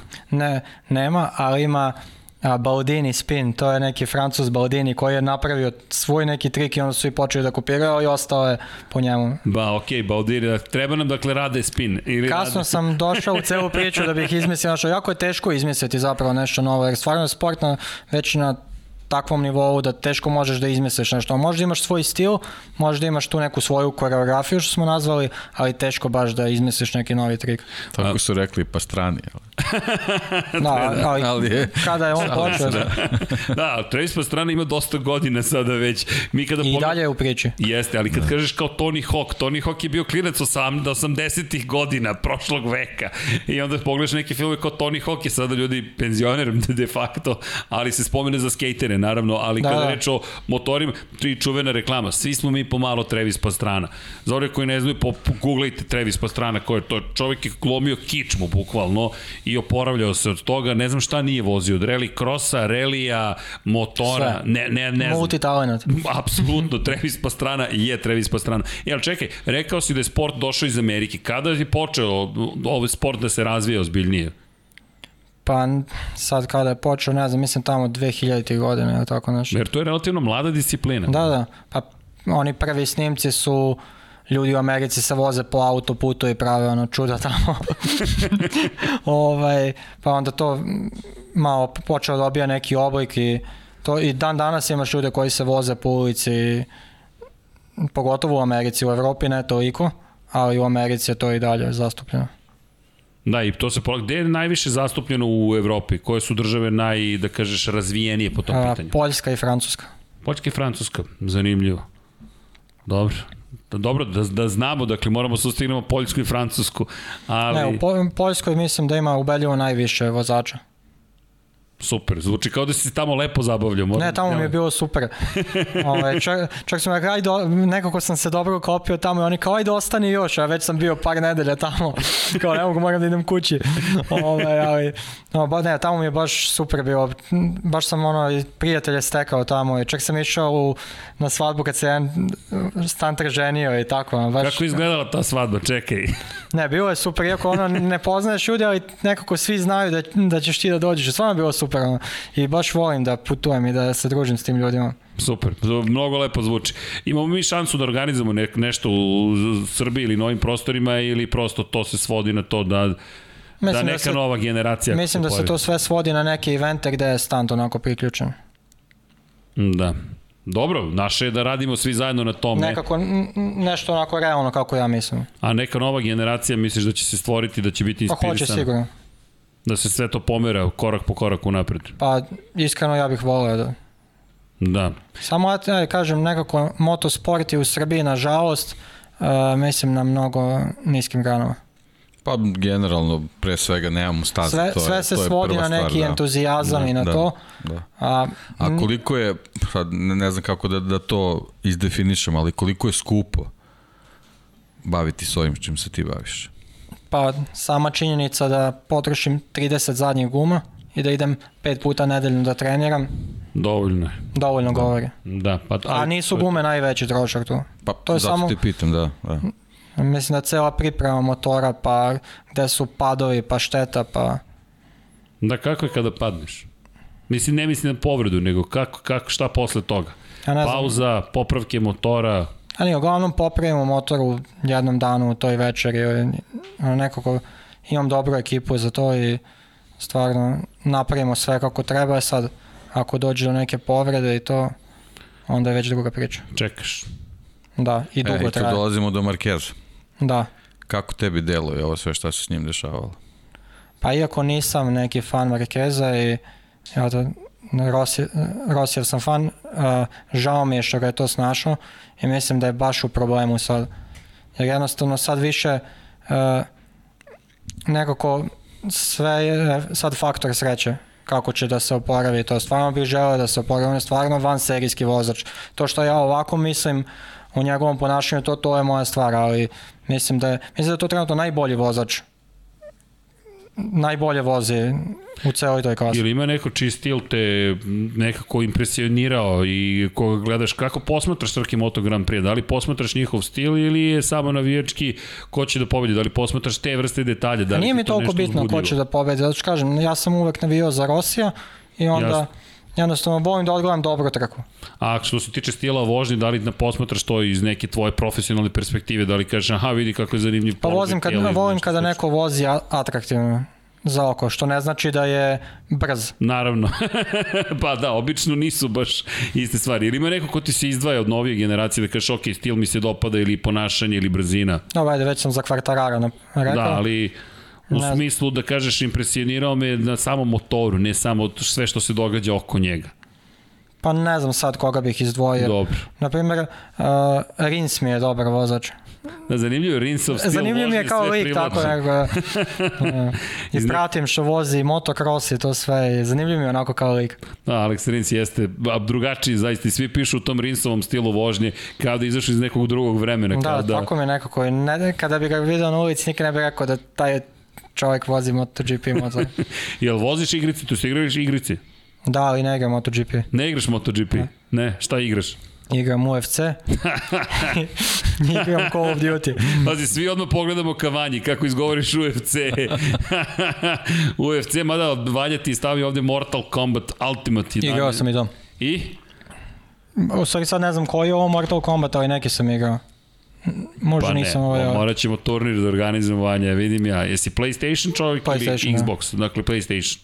Dobro, pošto i tu klanovi postoje, pa mora da se zna Xbox ili ovde je PlayStation klan, nekim, ne znam, ne, ne, nije nešto svesno izabrano, prosto tako se nekako formiralo. Ja kažem, UFC najviše igram. I imaš nekog omiljenog tamo borca i opet McGregora Pa, izabereš i to je tako, to. zavisi koju, koju diviziju izaberemo. Vidi, gledam Vanju, Vanja ovako trlja, trlja bradu i razmišlja verovatno o tome o A duelu. možemo da napravimo jedan okršaj. da. Mada sad nisam neko vreme igrao, stoji mi PlayStation kod drugara, ali brzo ću se vratiti u formu. S obzirom koliko sam igrao, brzo ću se vratiti u formu. Dobro, to je- deluje kao ozbiljna pasija, kao ozbiljna strast. Ne, pa volim, baš volim. Strava. O, Vanja, imamo gejmera ovde, dobro. Vidi, mi smo i kao Infinity Lighthouse prisutni na PlayStationu. Moramo da, da, da pošaljemo zahtev za prijateljstvo, pa da, da napravimo neku akciju. Ja, možemo i ovdje da organizujemo meč. Vidi, ne reci dva put, u, u suprotnom vrlo Ne, ćemo skoro da sam zainteresovan, samo moram neko vreme malo da se vratimo to. Dobro, ništa, dajemo ti neko vreme da se treninga, onda ćemo da napravimo turnir ovde. Eto Vanja novogodišnje zabave, napravimo turnir sa svim gostima, ali u UFC-u. Dekio ćemo tu biti bolji nego u MotoGP-u. Pa moguće, ne znam. Mnogo smo loši bili u Moto Grand Prix, da znam, mnogo smo bili loši. I dalje smo, i dalje smo. Misliš, nije prošlo vreme? Nije prošlo vreme nikad. Niste se poboljšali. Ne, ne, E, nešto da. sa ovim, s ovom novom generacijom ne ide s ovim PlayStationom peticom i nešto nije kako je rep. Kako Vanja? Do Pa, igrice, do i igrice. meni. Uvek do toga, da. da, da. Vanja, da, Nije nam legla I ni do joysticka. da, da, da. manje više, ali mislim da je igrica problem. Vidi, ti ja smo mlađa braća, ja sam se uvek vadio, ne, kompjuter vara, to igra na tvoj zna da si to ti sa druge strane, pa to je, to je bio moj izgovor. Ne znam šta je s drugima izgovor, ali to je bio moj izgovor kada izgubim. Uh, Rade, pokušavam eto da skočim na taj moment, ali deluje mi tako sve jednostavno. Ti, ti sediš potpuno opušten, siguran u sebe. Ne se ne zamislim sate koje si, koje si uložio u, i novac i energiju da dođeš do nekih nivoa. Ali taj moment profesionalizma me baš zanima. Kada se desilo da, da si ti došao u priliku da kažeš, ja ću biti plaćen za ovo? Jel, ti posto... Misliš kada sam počeo da živim tako samo... Tako je, tako je. Uh, mislim da, ajde da kažem, od 2017. 18. Dakle, to je skoro se tek desilo. Da. To je, pričamo od poslednje četiri godine, od, od kojih su dve u COVID. Mislim, sve vreme sam samo to radio. Jasno. Na, sad evo, trenutno imam neki biznis sa strane, imam neku radionu za motore i to. Slobodno reklamiraj, ne, ne, vidim, imam, e, molim imam te. Pa... Svoj, svoj neki kao mali servis sam napravio. Šta to znači? Servisiraš klasične sa da, motore? motore, da. Ili bi neka marka posebna? Ili? Ne, ne, ne. To sam počeo zapravo da radim kada je krenuo COVID. Zato što sam bio sve vreme kući, do tad nisam imao kada, zato što sam non stop bio na nekom putu ili tako nešto ali... I kako se zove radionica? RM Motorsports. RM Motorsport, eto ljudi u Zrenjaninu. Ali opet nije mi to primaran posao, da u Zrenjaninu. Dobro, ali malo da izreklamiramo, ali... čekaj. Pa moram, mi smo mediji, mi to možemo. Ljudi, RM Motorsport, dakle, posetite i eto, tamo možete, ka... sve što tamo ostavite, bit će potrošeno. Sada je ta priča na početku kao stand nekad. Tako je, tako da... Tako, S tim što imam mnogo treba. više znanja nego što sam imao kada sam počeo stand da vozim. da, ok, startna pozicija je bolja. Mnogo bolje. A čekaj, mnogo, mnogo bolje. jel pripremaš, uh, jel samo popravljate ili pripremate motore za nešto? Pravio sam jednom drugaru stunt motor. Pravio si stunt motor? Da. Čekaj, deki. Nas su, nama su nudili da vozimo motore kada da krstarimo po, šta si rekao, ruta 76 po Americi. Da li misliš da mi imamo budućnost u stunt vožnjama? Ne. Ili makar jedan show stunt motocikl da postoji da nam stoji ovde u studiju. Eto, imaćeš možda prve mušterije. Da. E, čućemo se tim povodom. Ali moramo da snimimo ceo proces. To će da bude kao Orange County Choppers. Da, da. Kako se sve to pravi? Pa, Isto, isto kako sam pravio svoj motor, tako sam napravio ovom drugaru, tako da princip je isti. Rade Stant, kralj pojednostavljivanja rečenica, ti si predivan i pregenijalan, dakle ne mogu iz tebe da izvučem ništa pa ne što ću da, da, da, da amplifikujem i kažem ljudi, budimo oduševljeni onim što ti si toliko hladno krvan, ovo je zaista impresivno. A ono što Mislim, da radim najbolje, to je ono što ste videli na snimku, ovo sve ostalo je usput. je opušteno, pa da. ali fenomenalno. Uh, ima neko pitanje, ljudi, da samo udri odgovorite pitanja, e, s obzirom na činjenicu da je Rade tu sa nama, i da vidimo ovde neka diskusija se povela na, o raznim temama. E, apropo Markeza, samo da napomenemo, prve vesti su pozitivnije, da baš su objavili u Repsol Hondi su saopštili da se vidi napredak u kontekstu oporavka Marka Markeza, tako da eto... Dobro, ajde ja tebe da pitam, šta ti misliš? O Markezu? Da. Pa, nas dvojice imamo slično mišljenja, to je da zapravo da zabrinut sam. Najiskrenije sam zabrinut. Šta jer... misliš, da li će biti na tom levelu na kom je bio pre? Ja mislim da hoće, ali znaš šta me brine?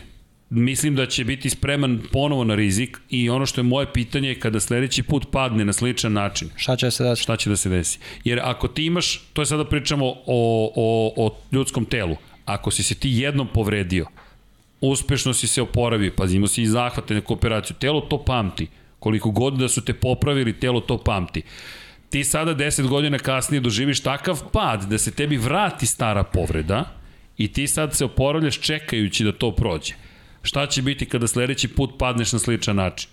To je već treći put na istom mestu. To je sad samo faktor sreće da mu se, kad padne da mu se ne desi da, ali problem je što njegov stil vožnje je takav da je on uvek u zoni koja rizikuje taj pad. Tako je. Jednostavno da, to je taj stil. Je Ako ništa, se da. vraća na nivo na kojem je taj nivo podrazumeva zonu gde Uvek da, pritom dolaze i mlađi vozači da, to je, da, to je to onako i svi napreduju priče, i svi da, voze da.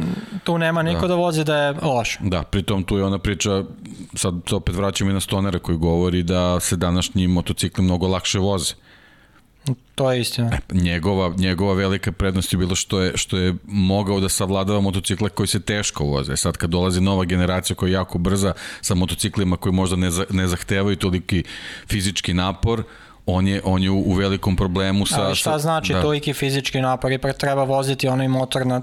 Apsolutno da, ali on je već je stariji, telo je istrošeno, njegova, I njegov stil je takav stariji. kakav je, da. Eto, to, to je nešto Pa- što, što se ne uklapa u čitavu priču da, da će biti u nekom trenutku na, na ovaj I pritom koliko psiha igra ulogu Ma u dobro, ja mislim da on nekako baš je zato to što je, zato što je ta psiha na tom nivou na kojem je. Pa do, mislim da će ovo biti u velikoj meri psihička bitka zapravo, da će se ovo svesti upravo na to da li on može, ali mislim da se ti rade rekao, i to na čemu smo pričali, nova generacija je stigla Aždaja. Dakle, ovo su Aždaje. Ako pogledate Jorgea Martina, ljudi, on meni ne deluje kao neko ko će se sutra skloniti bilo kome. Ne, nije naivan uopšte vozač. Naprotiv, to, to je vrlo agresivan vozač koji zna šta treba da uradi, fizički neverovatno dobro pripremljen, psihički izuzetno jak, on je, on je progurao jedan vrlo ružan pad ove godine, vratio se, iako je bio na korak od toga da odustane od, od, od karijere vozača, ali to je, ako nisam odustao, sad idem do kraja. Tako meni deluje i Martin mi deluje kao zapravo gledajući šta sve radi u međusezoni.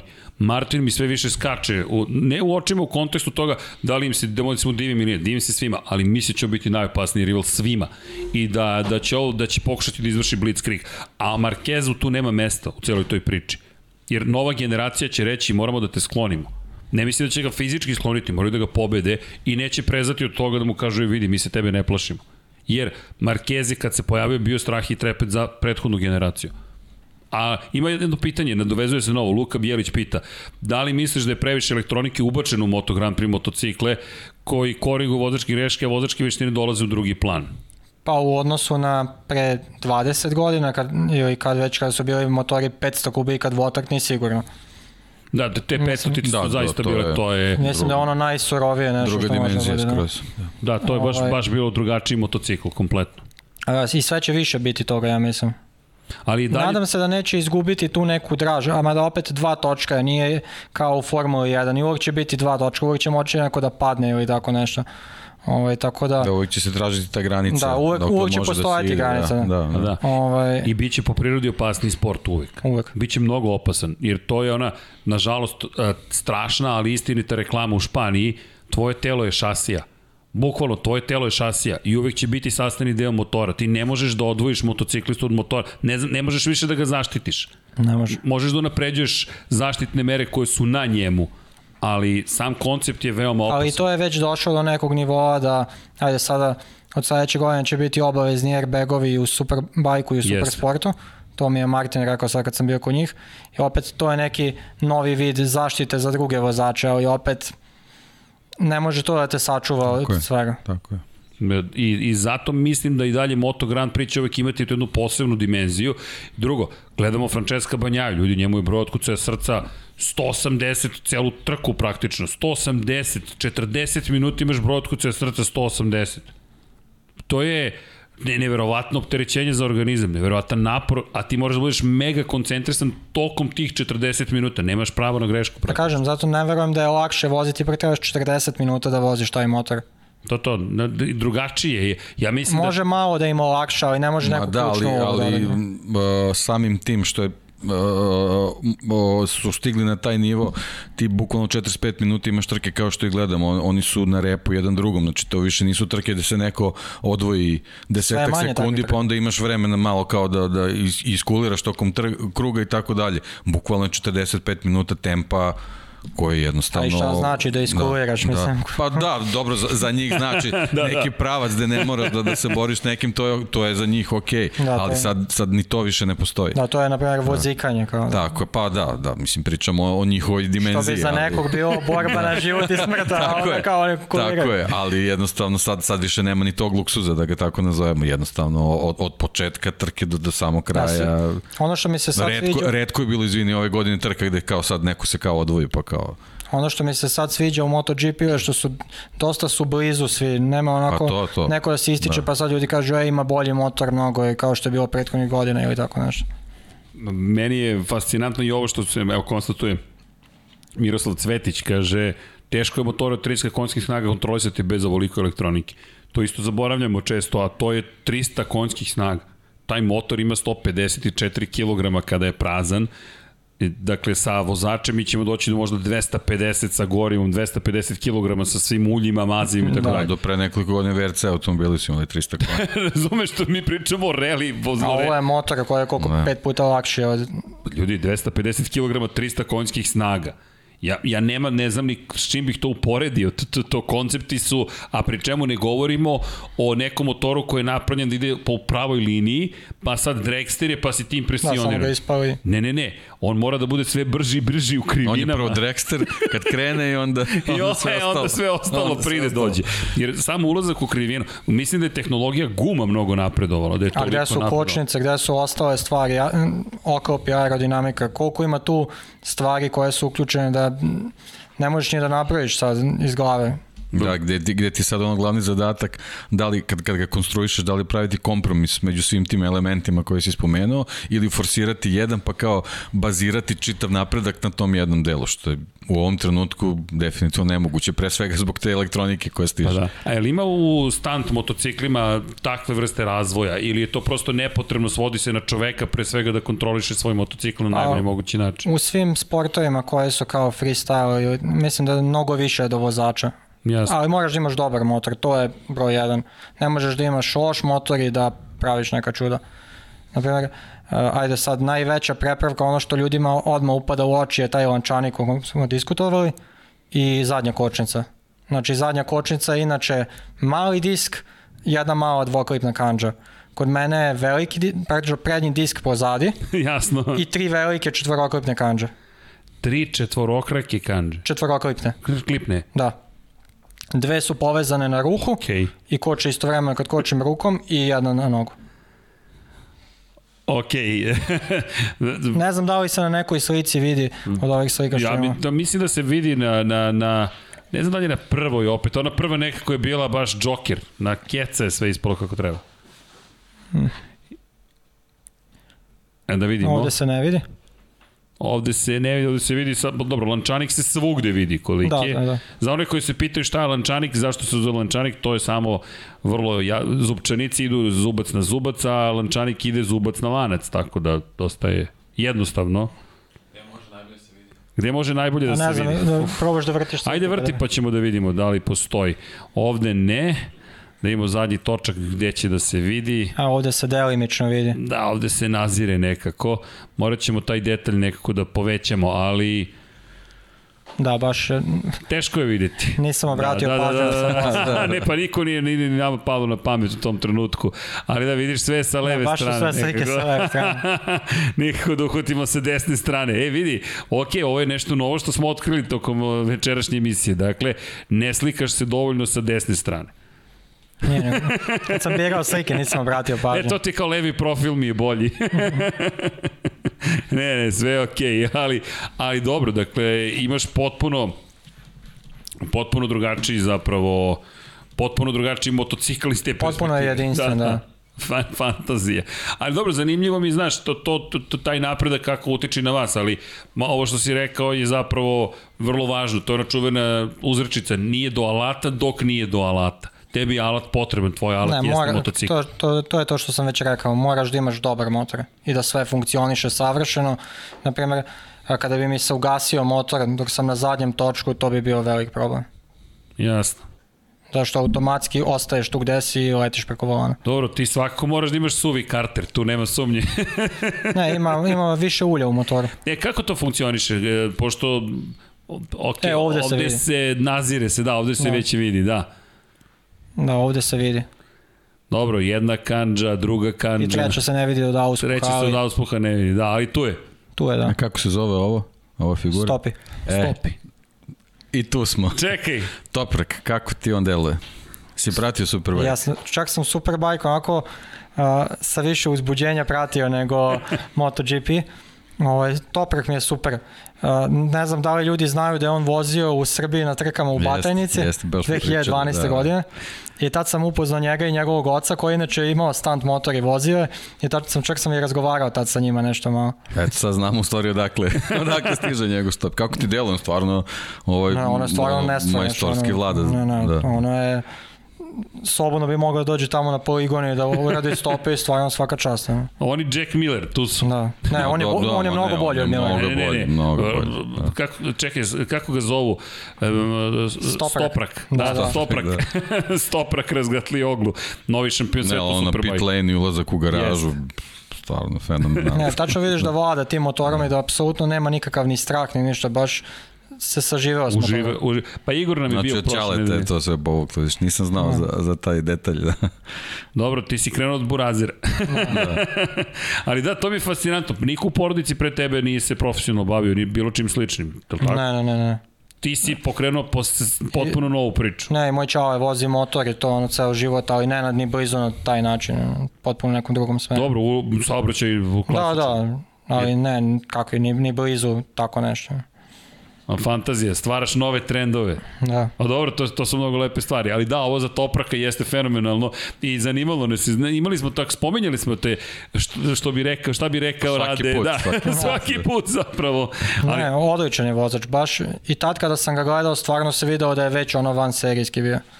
da, Igor Tada je rekao, vozio 600 Da. i posle je prešao u kupno Vajluje i tamo je imao dobre rezultate i onda je prešao u Supersport. Pa da, Kenan Sofoglu praktično je sve to pokrenuo. On je gura turske vozače. Jeste, sve. jeste, jeste. On, i on je i, i, i nove generacije Sofuoglua stižu i tako dalje i tako dalje, ali i Džan Ondžu i Deniz Ondžu, m, to su sve momci koji se takmiče u supersportu, Džan, Deniz je i dalje u Moto3 kategoriji svetskog šampionata, Toprak je osvojio titulu, prvi šampion iz Turske u Superbajku Da, da. sveta, to je fenomenalno. Baš guraju tu priču ozbiljno i baš se vidi da rade jako i, Pa evo i u i znaju što Formula rade. 1 su se vratili. E, si pratio Formulu 1? Da, jedno od pitanja je bilo kako tebi delova poslednja trka. E, stvarno ne pratim Formulu 1. Pratio sam sad ovo kada je bilo, što mi je bilo interesantno da su stvarno u, u pola boda bilo dva vozača. I, ali baš, baš slabo pratim, nije mi toliko interesantno. si odgledao poslednju trku? Nisam. Okej. Samo sam video tu šta se dešavalo i to i onda nekako... Ovaj, ali stvarno je bilo interesantno da je eto došao do poslednje trke da su ono 0-0. Da, da niko baš nema nikakvu prednost. Pa- Pa da, to je to jeste specifičnost posle 21 trke na pola poena razlike, ali dobro, da ne otvaramo Formulu 1. Neko da. je Da. napisao da Hamilton odlazi iz Formule 1, ne odlazi. Čak je eksplicitno rekao da ostaje Da, u i da Formuli ne, 1. bilo je nekih priča Jeste. oko, ne znam, advokati, sud tamo vamo i rekao je da neće kao titulu na sudu i jednostavno verovatno će da nastavi dalje samo je. Pa da, pa vidi, sledeće godine će biti, hajde, osvet, neće osvet, kažem osvetnička neki loš način, nego prosto izgubio si nešto što i ti je pripadalo. Možda i Formula 1 sad dobija na nekoj zanimljivosti opet, možda bar meni, ali možda počnemo da pratim sad, ako bude malo zanimljivije. Da, stiže nova generacija bolide, pa ćemo da vidimo kako će to sve da se, da se razvije, da li će još neko da se priključi u vrhu. Pa deluje da hoće, ali ajde, idemo korak, deluje, ali idemo dok korak ne po korak. krene, ne možemo da pričamo o A tome. dobro, već je uzbudljivo Svi se kada nadamo da pogledaš. će sve ekipe da budu tu, ali to je nemoguće, jednostavno. Zna, Pa i znamo da ne na, ide na primjer, u MotoGP-u je potpuno drugačija priča. Manje više su svi sad konkurentni. Pa jesu, u jednoj sekundi su svi vozači. Da. U jednoj sekundi, meni je to potpuno neverovatno i dalje. Da mi pričamo o 22 najbolja vozača sveta koji su na gotovo izjednačenim motociklima, da nijanse odlučuju da njih na njih 22 na 6 ili 5 km dugačkoj skazdi budu u jednoj sekundi. Van ikakvog smisla, pri čemu su to potpuno drugačiji motocikli zapravo, koliko god delovali da su slični. Da, svak, sve je drugi proizvođač. I, I svako ima svoju neku filozofiju, i rama, i motora, generalno kako šasiju prave, fascinantno. Ali dobro, jedno čekam, 6. marta počinje nova sezona. Za one koji ne znaju, neću pogrešiti ovoga puta. Ne znam kako sam, znaš da sam od 20 oduzeo 21 i dobio 9. Dešava se. De, de, hvala. dešava, da, da, lepo dešava. Ej, kakvi su ti planovi za 2022. Osim što spremaš novi motor, smeš da nam pričaš, imaš neke već razrađene datume ili ne? Pa već imamo neke uh, događaje o kojima pričamo i to sad ništa nije potvrđeno. Jasno. Mislim da glavnu ulogu igra to kako će se razvijati cela stvar oko covid i oko svega, kao i za sve. A vidjet ćemo. Prvo mi je sad cilj da se fizički spremim dobro preko zime.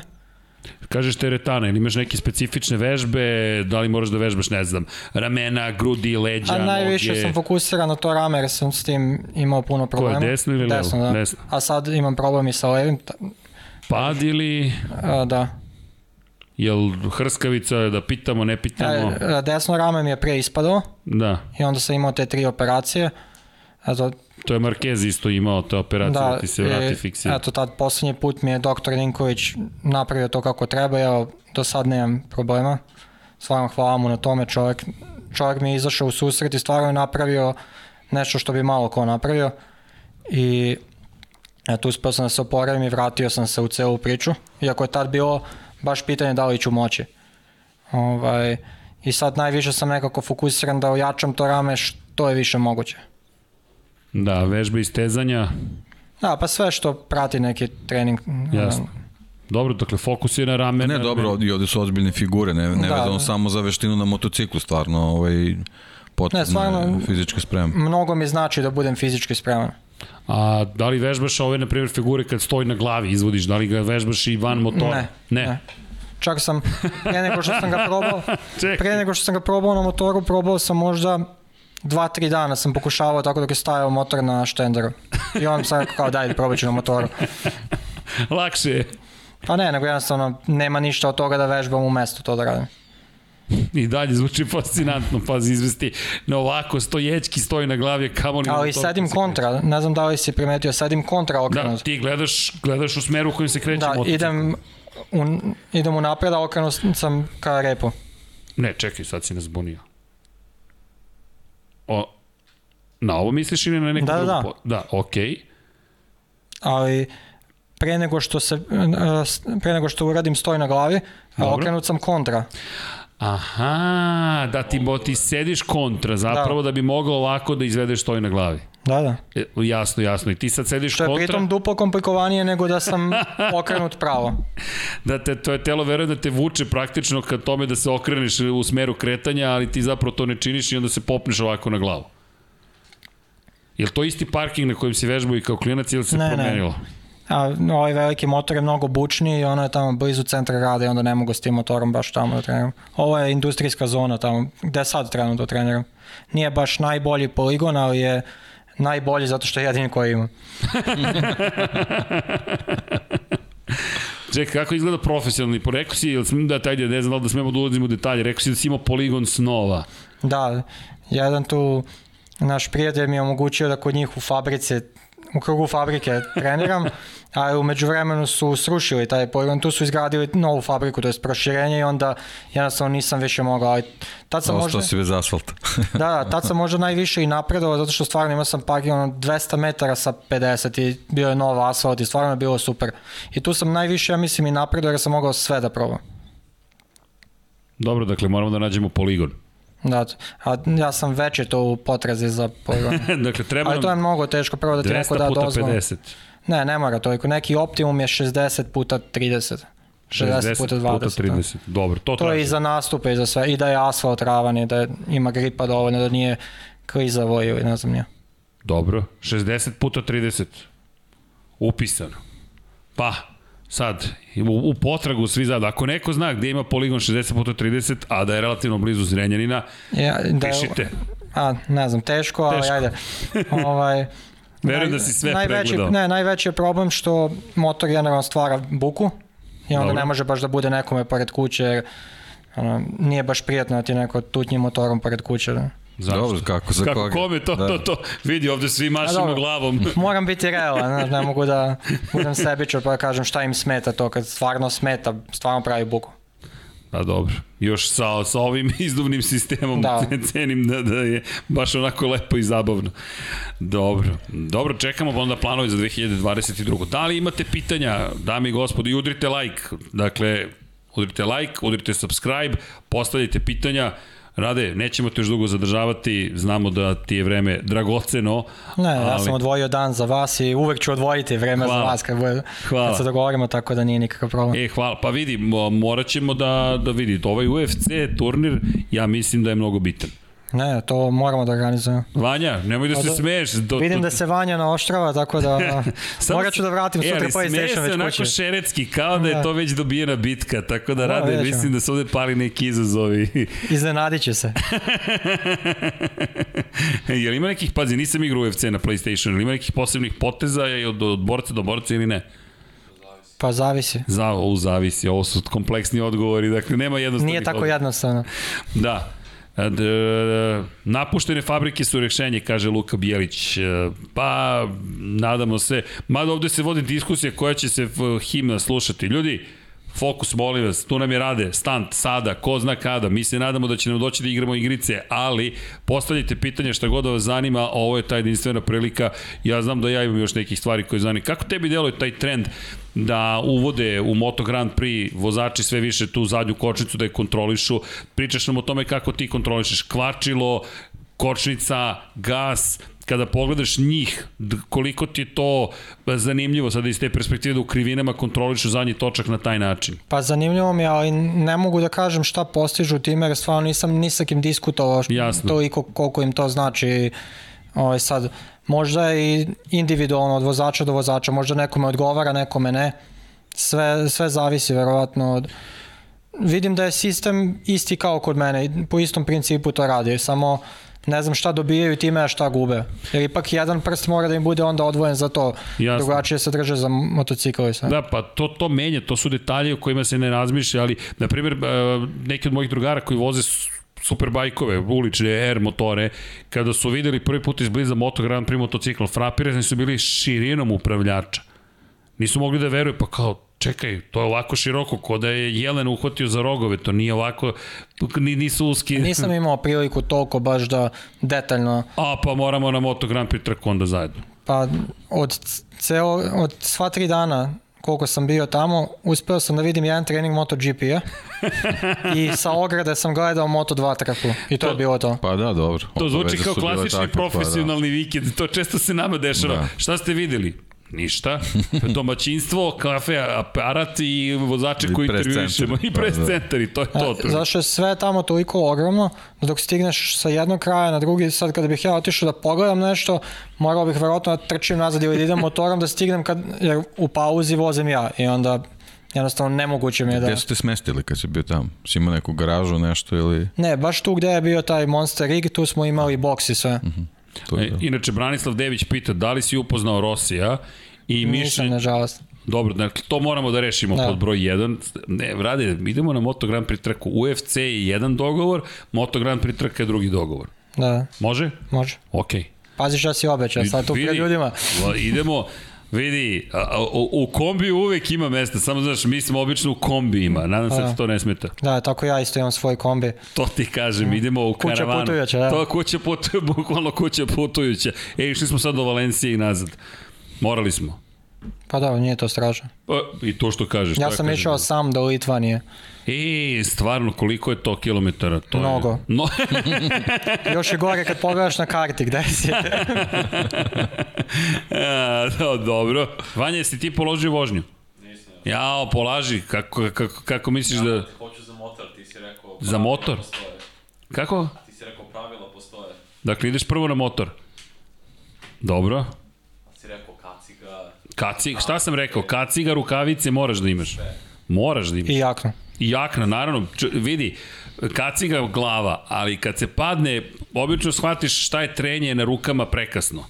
Tako da nemoj da vežbaš to. Ka, rukavice... Ne znam, i meni je prijatnije da vozim motor u rukavicama, nekako, možda sam i navikao. Možda je navika. Da, ali nekako tako mi je najprijatnije. Ali topla preporuka. I ima još jedno pitanje, šta misliš o Ducatiju sledeće sezone?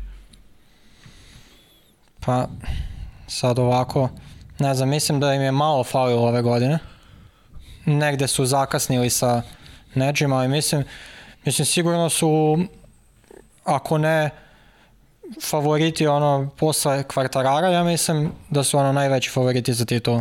Konkretno mislim na Banjaju. To je to, Kvartararo Banjaja, ali gledajte Martina.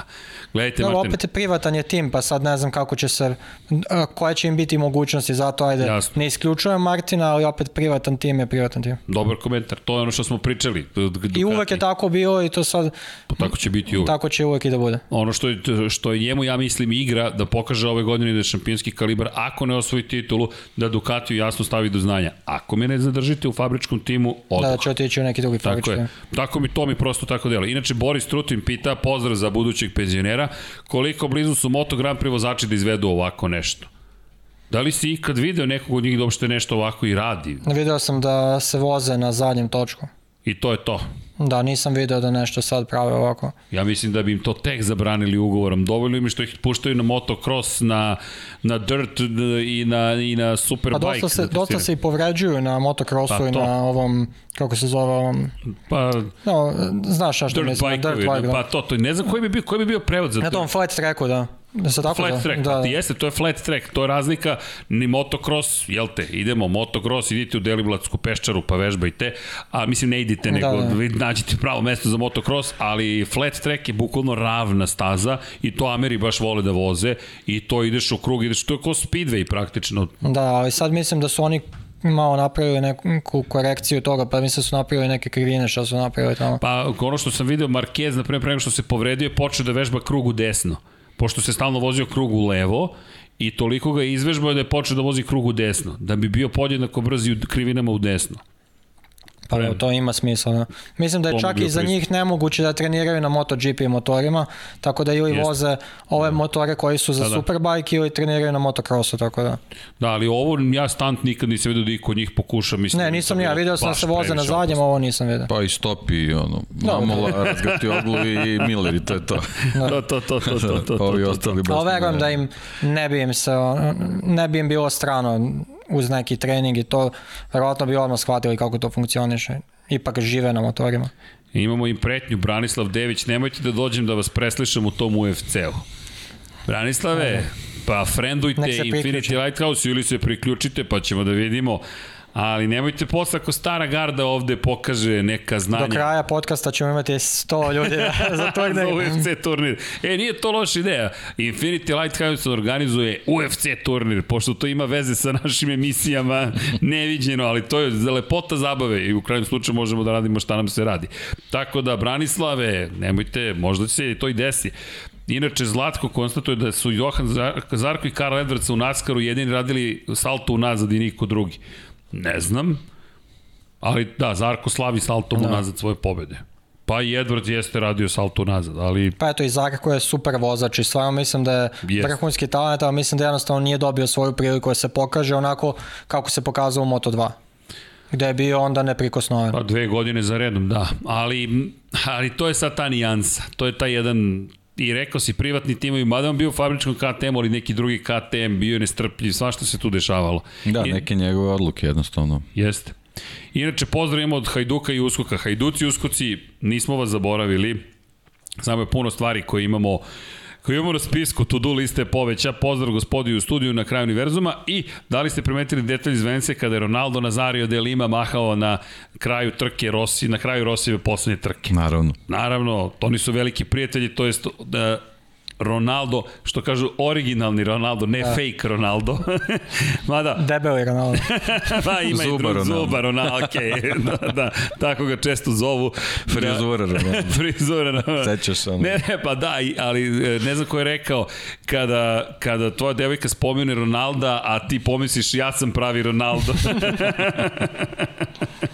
Jer ovaj drugi Ronaldo je mnogo zabavniji, očigledno, drug, drug, suprotnom polu. Elem, kaže, da li smo videli? Naravno da smo videli, pa oni su... Pa i Rossi je inače navijač Intera. Jest, jest, veliki navijač Intera. Nosio je svoje vremeno i materacije u dres i svašta su, baš su Da, ljubitelji. Materaci čak ima i tetovažu njegove kacige. Jeste. e da, tetovaže, nismo te pitali, šta sve imaš tetovaža ako smeš, želiš da podeliš sa nama? Pa Ima- svaka, ajde ovako ukratko, svaka tetovaža je simbol nečega, tako da ovaj, Ne, pa vidi, ako intimno ne moraš da deliš sa nama, prosto nešto što se vidi. E, to su znam. neke stvari koje meni znače i volim kako to izgleda meni. To je jednostavno indivi- individualno, da li voliš ili ne voliš. Ne, moramo da, bo vidi, mi- ja, ne, meni je bitno, ako je čovjek srećan, to, Da. to je dovoljno. Ne, ne, ne, Svaka simbolizuje neki, da kažem, period ili moment u životu koji je meni eto drag, bitan i to i stvarno volim da imam Lepo. tetovaže. I gde ide Lab 76 posle ovog studija? Reći ti se. Sam sam zaslužio, hvala na tome. A, ali dobro. Da, ali zaista divno, i ako dobro vidim, ima tu prijatelji, postoji porodice, to su lepe stvari. Ali da ne otkrijemo Tako previše, to je prosto deo, što ti kažeš i Fabio Quartararo donio jedan deo kulture koji Da, nije se da. toliko često Baš mi je interesantno to da gledam i njegove objave, ono kada su ga kaznili zbog... Zbog otkopčavanja, Da, da, da, što jednostavno nije njegova krivica i to, ali Ali pravila su pravila. Equipment failure. Da. da. da. On pred svaku trku, da. Šta? Pa njemu uvek. Da, da, ali mu se otkopcalo tokom trke. A znam to zato, zato su ga I kaznili. ona njegova objava posle gde se slika u nekom šorcu kupaćem i u bos sa nekom kacigom kao to mi je to mi je onako bilo simpatično i baš mi je drago što nije ona počela da se izvinjava nešto i to nego krenuo na zezanje. Da, inače Luka Bjelić kaže novosadski ljubitelji motociklizma obožavaju Radeta, pozdrav iz Novog Sada. E, pozdrav za njih. Pozdrav za ceo Novi Sad. Pitanje je šta misliš o Bastianiniju? Pa Enea, ajde sad nemam neko posebno mišljenje o njemu. Onako, divim se svakome ko stane tamo na crtu i to jer stvarno mislim da su to, to su jednostavno najbrži ljudi na svetu. Jednostavno stvarno imam respekt za svakog tamo. a to je Možda to. mi sad neko nije interesantan, ne konkretno on, nego Da, ovako, naravno, da. ali za stvarno za sve imam respekt. Da, evo pitanje Muki Alex, gde je link za glasanje vozača godine za Moto Grand Prix? Stiže. Da nemojte ništa da brinete, stiže. Da imamo, pošto imamo glasanje za Dobro. za vozača godine Formula 1, sad imamo i za vozača godine Moto Grand Prix, tako da nemojte da brinete, stiže. Inače, dobro, ovde sad da ne otkrivam ko je za koga gl- glasao. E, pravi Ronaldo, nisam to znao. ne, mi ne koristimo, ali se šalimo, pošto to je nešto što se koristi, poštujemo mi sve. Inače, e, pitanje je koliko dugo ti traje stopi? Da li si nekad merio u sekundama ili metrima ili kako god? Uh, skoro smo, uh, kad smo bili na treningu, jedan drugar i ja uh, merili početnu tačku i krajnju, ali sad ne mogu da se setim koliko je bilo. Ok, to, Nešto je bilo oko 50 metara, ajde ne pretem. 50-ak Između 50 metara. i 60 je bilo, ja mislim. Ali nije to sad bilo ono da probam koliko najduže mogu, nego jednostavno ovaj, samo nas je interesovalo koliko je. Pa nisam nikad baš probao koliko ono, najviše mogu. 50 metara. Ok, eto, 50 metara Ajde recimo da kažem točku. da znam da toliko sigurno mogu. Sad ćemo da pošaljemo Topraku.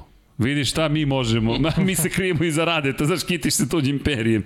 Ali svaka čast. Ali ne vozi ni on malo. Ne, ne vozi, pritom ne, ne. do, vidim ja po brzini kada se zaleće. vidim da zna šta radi. Ne, vidi, ono je ozbiljno, ti to najbolje znaš bolje od nas, ali vidiš prosto umetnost na delu. Vidiš A da drugačije nego kontrolu. Miller. Miller onako koči i seče ga na momentu. Ovo je baš putuje na prednjem. ne? mamola Ma- stil, da. A ovo je, ovo je, Ovo je baš vidi se da je da. prefinjeno i da baš ima osjećaj. Jedva čekam da ga vidim, ovaj, vidim nešto su najavljivali, postoji mogućnost da u 22. Uh, test, bude test vozač ovaj, u Moto Grand Prix u Yamahi, da, ovaj, možda mu i to u budućnost, RNF-u, da. da i ovaj, s obzirom da, da, da je takva situacija s tu, sa ugovorima, moguće da, da 2023. bude u Moto Grand Prix. To su neke nove informacije, tako da Lepo. Lepo. Lepo. Zaj, Sigurno mislim, mislim da i zaslužuje, sad vidjet ćemo kako će ova sezona teći u Superbajku. Pa prekinuo je sad jedan su se svi period, da. naoštrili da, da, da mu Prekinuo je jedan period koliko je Rea bio prva godinama Da. za redom, sad je on presekao je to ipak. Nije, ovaj, Da, i, i nije to šala. isto je jako zanimljiv način bio do poslednje trke sezone, to je do poslednje Jest. trkačkog vikenda i tako dalje, baš je onako ovaj, zaslužuje svu pažnju i ovaj, eto sad je prilika da neko drugi skine njegov skalp, može da bude baš interesantno. Pa dobro, to je, vidi, to je po- pokazatelj nekim novim momcima, ej, može kralj više, da. nije onaj kralj, sad je neko novi kralj, pa sad Johnny Rea da li će da se vrati na vrh, jer to je, ako pogledaš, jedan od najtežih momenta, kad dođeš do vrha je prvi težak moment, drugi težak moment, možda i najteži ostati na vrhu, ali mislim da je još teže zapravo kad te skinu sa tog vrha, pošto si bio na tom vrhu. A da ostaje se u priči. A ostaje u priči. Johnny je i dalje tu. Da, da. I ovaj, sad je pitanje kako će on to da Da. prihvati.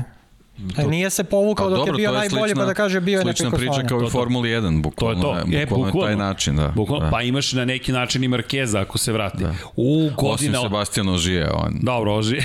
on odradi ožije, da, da, ožije on ne popušta. odradi, da. da, da, da. Ali vidi, godina otpisanih, povratnici, ne, Ne, ne, povratnici, bit će jako zanimljiva sezona. Hamilton, Marquez, Rea. Opa, sledeća godina, bit će luda kuća u Da, na mislim da će za ljubitelje automoto sporta biti možda jedna od jačih godina. trljamo ruke ima i biće fenomenalno. Inače imaš pitanje za šta predviđaš, pita Miloš Bošković, šta predviđaš Lanu Miru posle tituli i trećeg mesta ove godine? Pa ne znam, činjenica je da Suzuki radi dobro. Bar meni tako deluje. Možda je i on jedan od kontendera za titul. Vidi, on ima Onako siguran mi je vozač. to, to, to, stabilan, stamen, jednostavno ti znaš da će on biti tu. Da su jedine šanse da, da, da ne bude tu da napravi neku... Ako se drugi ispromašuju neko, ne, u nekoliko navrata, eto njega tu. Dobro, ja sam se srđan iznenadio pre par podcasta. Quartararo, Banjaja, Mir. Da, da, da, da. Meni je to ono top 3. Da, da, ali ste u pravu. U pravu si, jer Mir jeste čovek koji koji kad pogledaš i sabereš sve, oduzmeš koliko god delovao manje fascinantno, eksplozivno, Ali on je maksimalno iskoristio ono što ima. Jeste. Jeste, jeste, on je ono izvukao što mu pruže, to je to. Istina. onaj Katar, stvarno teško zaboraviti šta mu se desilo. To, to je u stvari najbolje Jeste. pokazalo šta on nema u stvari. Nema tu maksimalnu brzinu tog motocikla i on ne može to da promeni. Ali činjenica je da mnogo napreduje. Pitanje je šta će Jeste. napraviti za sledeću godinu. Jeste. E pa to je. Na Suzuki je, ne na njemu. Da, kada to spominjete, inače za A šest isto, a nedelja... isto, izvine, isto je naravno, priča kao, a, ovaj, kao i sa Martinom. Na ekipama je da ih zadrže tu. Jeste. Oni će ići dalje ako, ako ne dobiju adekvatne Pa aparate. vidi, ja mislim da Honda i tekako gleda sada na sve strane, jer Honda jeste najugroženija. Jedna godina je izgubljena povredom, druga godina je izgubljena posledicama te povrede i novom povredom, treća godina ako se izgubi, ti sada već dolaziš do toga da ćeš uskoro pola decenije imati koje su izgubljene. Koliko god je Marquez doneo ekipu, u jednom momentu će ekipa morati da kaže ok, mi moramo da idemo dalje. A dalje gledaš Raula Fernandeza, gledaš Joana Mira, gledaš Jorge Martina. I sva trojica su španci. Repsol će biti vrlo zadovoljan ukoliko bude neko od njih trojice izabran. Da, ali mislim da Honda osim Markeza nema nekog vozača koji je sad direktno ono kontender za titul. E, to je sad To je taj, problem to je njihov. problem, to je njihov Jer problem. imaju samo njega jednog i sad to je to. Pri tom To naš da. problem sa Markezom ne traje kratko, a oni ništa nisu radili da, da, da se osiguraju da Jer da Yamaha pronađu opet ima i. Morbidelija koji je pobeđivao, bio je prvak u Moto2, tu je, blizu je. Ma tako- Yamaha ima titulu Superbike i Moto Grand Prix, tako Ima i nekako tiho je došla rezervi. do, do, do neverovatne Tako je. situacije da ima tako dobru grupu vozača da, da bukvalno mogu da biraju. I ne samo to, Yamaha je ušla u Moto2 kategoriju. Dakle, Yamaha se, koliko god je izgledalo kada ne zna šta radi, Yamaha na kraju dana je ozbiljno postavila svoje pozicije. Baš je ozbiljno postavila stvar. I naravno dobila je najboljeg stunt vozača na svetu u svojim redovima. Tako da, Hvala, hvala. pa, molim te, vidim, preistrasno ili ne, mi, mi po, rade stant, tačka, tu se završava. I, I ja sam ozbiljan, pazi, mi smo krajnje navijački nastrojeni i uvijek ćemo gledati i te podržimo. E, ali znaš šta mislimo da promenimo za sledeću godinu? Da mnogo više budemo u kontaktu, šta god da radiš, gde god da ideš, da budemo u kontaktu u smislu, da prenesemo gde si bio, šta se događalo, pokažemo fotografije, čujemo se s tobom preko Zuma, preko Zuma, kako god, ali da, da Ne, ono Pet što minuta, sam, pet minuta. Što sam rekao, Tako uvek je. ću naći vremena da dođem da Molim se ispričamo, eto da ljudima prezentujemo to što je novo i Vidi, ono što je cilj jeste da ovo ne bude, e videli smo se jednom godišnje i to je to. Jer onda mi ne radimo naš posao kako ga mi zamišljamo. Jer mi hoćemo zaista da se automotosport podigne na viši nivo u kontekstu onoga što mi možemo da uradimo. Bukvalno šta mi, a mi smo mediji. Dakle, kako god da pogledamo, mi smo neki mediji.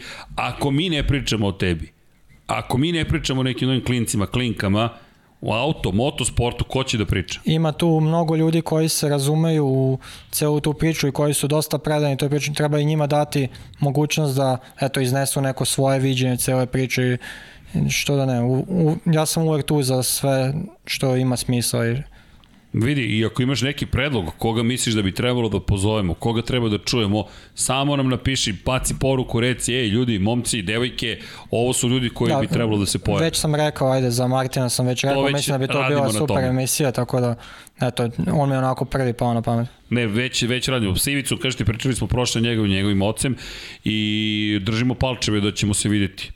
Da, da, zaista, jer bismo volili da čujemo Martinov već izrastu ozbiljnog momka. Mi kada smo ga poslednji put videli bio je tinejdžer, sad je već da. momak, pa da, sad pravi momak. Jel se sve u redu? Ne, ne, pratimo nešto. Pratite sve nešto, okay, ili zastava okay, u pitanju okay. ili... Zastava, Zastava. pitanje, zastava Inače, za pitanje. koga navijaš u futbolu? Ili imaš neku ekipu? Ne, ne pratim uopšte. To je moj čovek, vidi. Deki ima svoju Ali sam zastavu. trenirao futbol. Stvarno? Da, Šta si to igrao? celu osnovnu školu. Igrao sam levo krilo. Opa, Pa, prodoran, to, brz. To, to. I?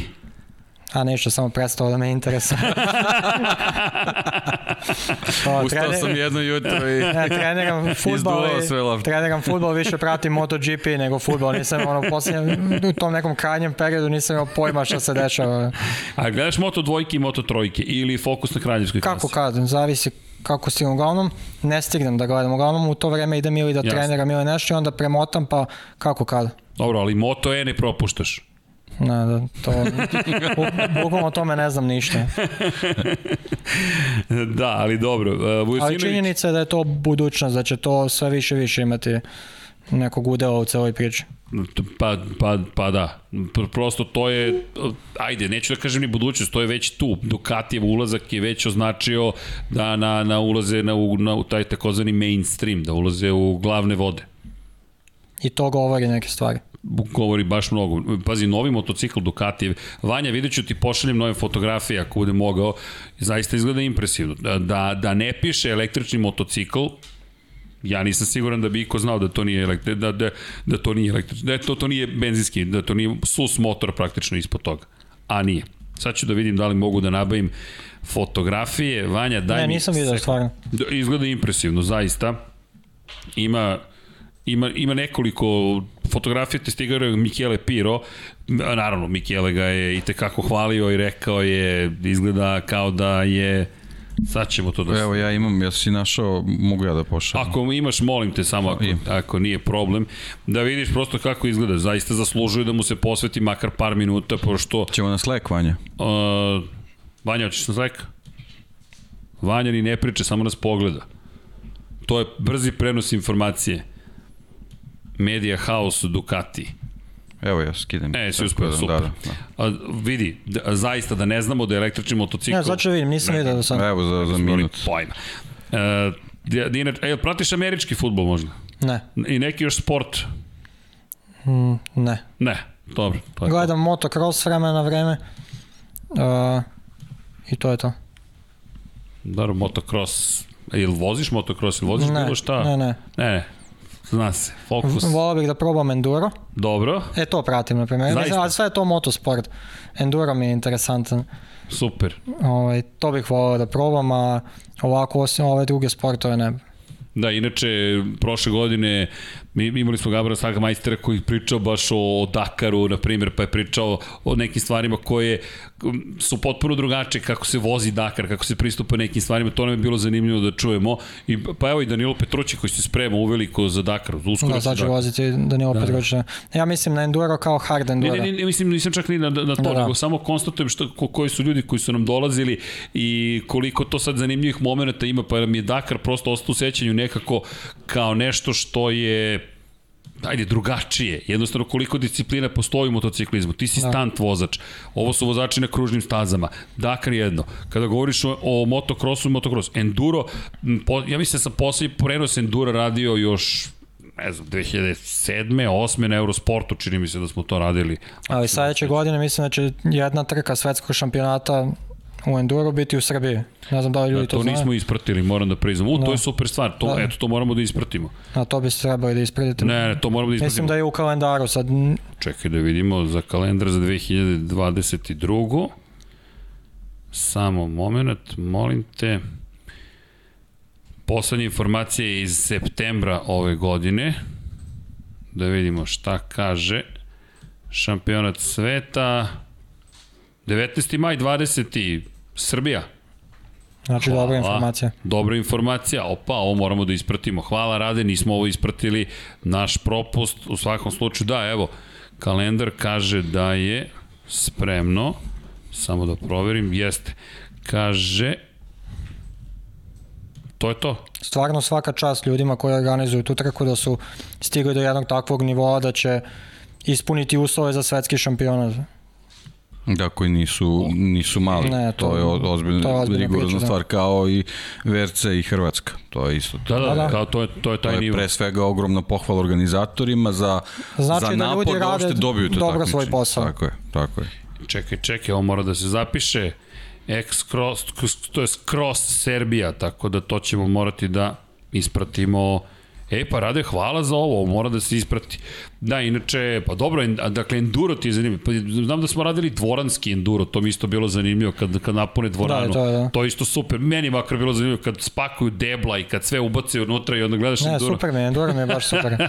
kako vozi kao, ok, naravno u Španiji, gde bi drugde. Pa, da, da ko ne zna, ljudi, Španci su zaista veliki, ludi su za motorima. Italija i Španija, svaka na svoj način, ali Španija pogotovo, ta dvoranska takmičenja njihova, pa kad gledaš i Tonija Bowa, na primjer, kad da. Da. gledaš takmičenje, to, je, to je fenomenalno. Da li je u indoor, da li je outdoor, ti, ti gledaš Dagi Lampkin, ko se seća Dagi Lampkin. Evo, pogledaj Ducati ovaj. Sad, Jel možeš da Evo imaš možeš i iza, ovde, imaš imaš iza i da, stvarno ovako kada vidim, ovako kada vidim nikad ne bih rekao da je ne, električni da je elektron, Da. baš je, i pogledaj tu ugljeničnih vlakana koliko je, koliko hoćeš. I testira Michele Piro koji je, Ne, rekao bih da je superbike motor sad ovako kada... bukvalno, tako su ga spakovali. I sad želimo da vidimo konstrukciju ispod. Da li je noseći element motor, da li je povukao na panigale, a nije. Gde su šta stavili, gde je baterija. Ne, potpuno mi izgleda... Izgleda moćno. Meni makar izgleda Ok, zaista primetio bih da nema auspuh ili tako nešto, ali tek kada bih se zagledao. Pa to, to, do, do tog momenta gledaš manje više sve je prilično slično, jedino što ispod repa nema ničega, nema topova, nema, ne, znaš kao, gde vam je izduvni sistem? E, nema. nema. Ovde samo da ga rashladimo i da smanjimo težinu baterije, otprilike to je to. Znaš, a to mi je zanimljivo, i zanimljivo je zaista iz perspektive obratnog momenta Da, da. pošto to, to, je, to je ono što impresionira kod električnih motocikla, ta kriva obrtnog momenta i naravno da vidimo da li će biti promena stepena prenosa, neće biti promene stepena prenosa. Elektromotor ne podrazumeva da nema transmisije. Može da ima, ne mora da Ne ima. mora da ima, da. Zavisi kako su to kako su rešili da da zapravo izvrše prenos Zavisi kakav će pravilnik da bude za to sve, kako će da oni to sve da će organizuju. Ba, ja sam fasciniran da je Ducati već izbacio motocikl. Jer mi gledamo, to je najavljeno pre mesec, manje od jednog meseca, A dobro, da, ali to je... To ko zna koliko već- su spremali. Već je ko zna koliko se I to ono što kuvalo. smo pričali, koliko je bitno da, da ovaj, zvučna imena dođu taj, u taj šampionat, da bi ljudi ovaj, počeli to malo više i da prate. Jes, zaista je, ovo je fenomenalno. Ok, i I ovo Ali generalno priča, to je neki mainstream koji njima potreban za, za njihov marketing, ali eto, okej. Ovaj, mogu da budu zanimljive trke kao što smo videli prošle godine. Pa dobro, le, lepe stvari. Ok, rade ovo za hard enduro, hvala. To su, to su dobre informacije, vidi, ovo moramo sada da rešimo, da pozovemo ljude, da se ispričamo, da najavimo taj događaj, da vidimo šta se tu događa. Eto, ideja za nekog narednog gosta da bude Upravo neko to, od organizatora. Da, to, hvala, rade. Apsolutno su zaslužili. Ok, dobi, preporučio si Martina, to smo već krenuli. Hard enduro ekipu, ok, to ćemo da kada se bacimo na Pa, posao. Tim Gajsera je donekle spomenuo. Ok, ok, vidi, polako se da. slaže spisak ljudi koje treba pozvati. Hvala. Ako imaš još neku želju, udri rade. I ja- mi smo ti rekli, sledeće Udri godine... like, udri subscribe. E, da podelite ovaj video sa vašim prijateljima ukoliko želite da se širi priča o automotosportu na ovim prostorima. I ima još jedna stvar, obećali smo sledeće godine idemo zajedno u domaćinstvo VR46 ekipe. Kažem, pazi šta obećaš, ja sam Ja spreman. sam ti rekao, dakle, mi kada budemo na trci, naravno, jer ako ne budem ni na jednoj trci, ali plan trenutno postoji da se ide na trke, tako da... Ne, COVID jednostavno remeti. Ko zna, možda se planova. samo i sretnemo negde, vidjet ćemo šta će donese sledeće godine. Da. To, to vidi, bilo bi, to bi bilo lepo. I onda da pitam Dornu, ok, sad kada smo sa našim kamerama ovde, ili smemo da snimamo? Ne. Pa verovatno. E, ali vidi, mi imamo nalepnice. Mi imamo nalepnice, imamo pravo da snimamo.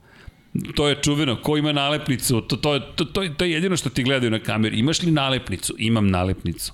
Okej, to je, to je kao da si, kao da si, ne znam, posebno čudo od čoveka, imam nalepnicu na kameri.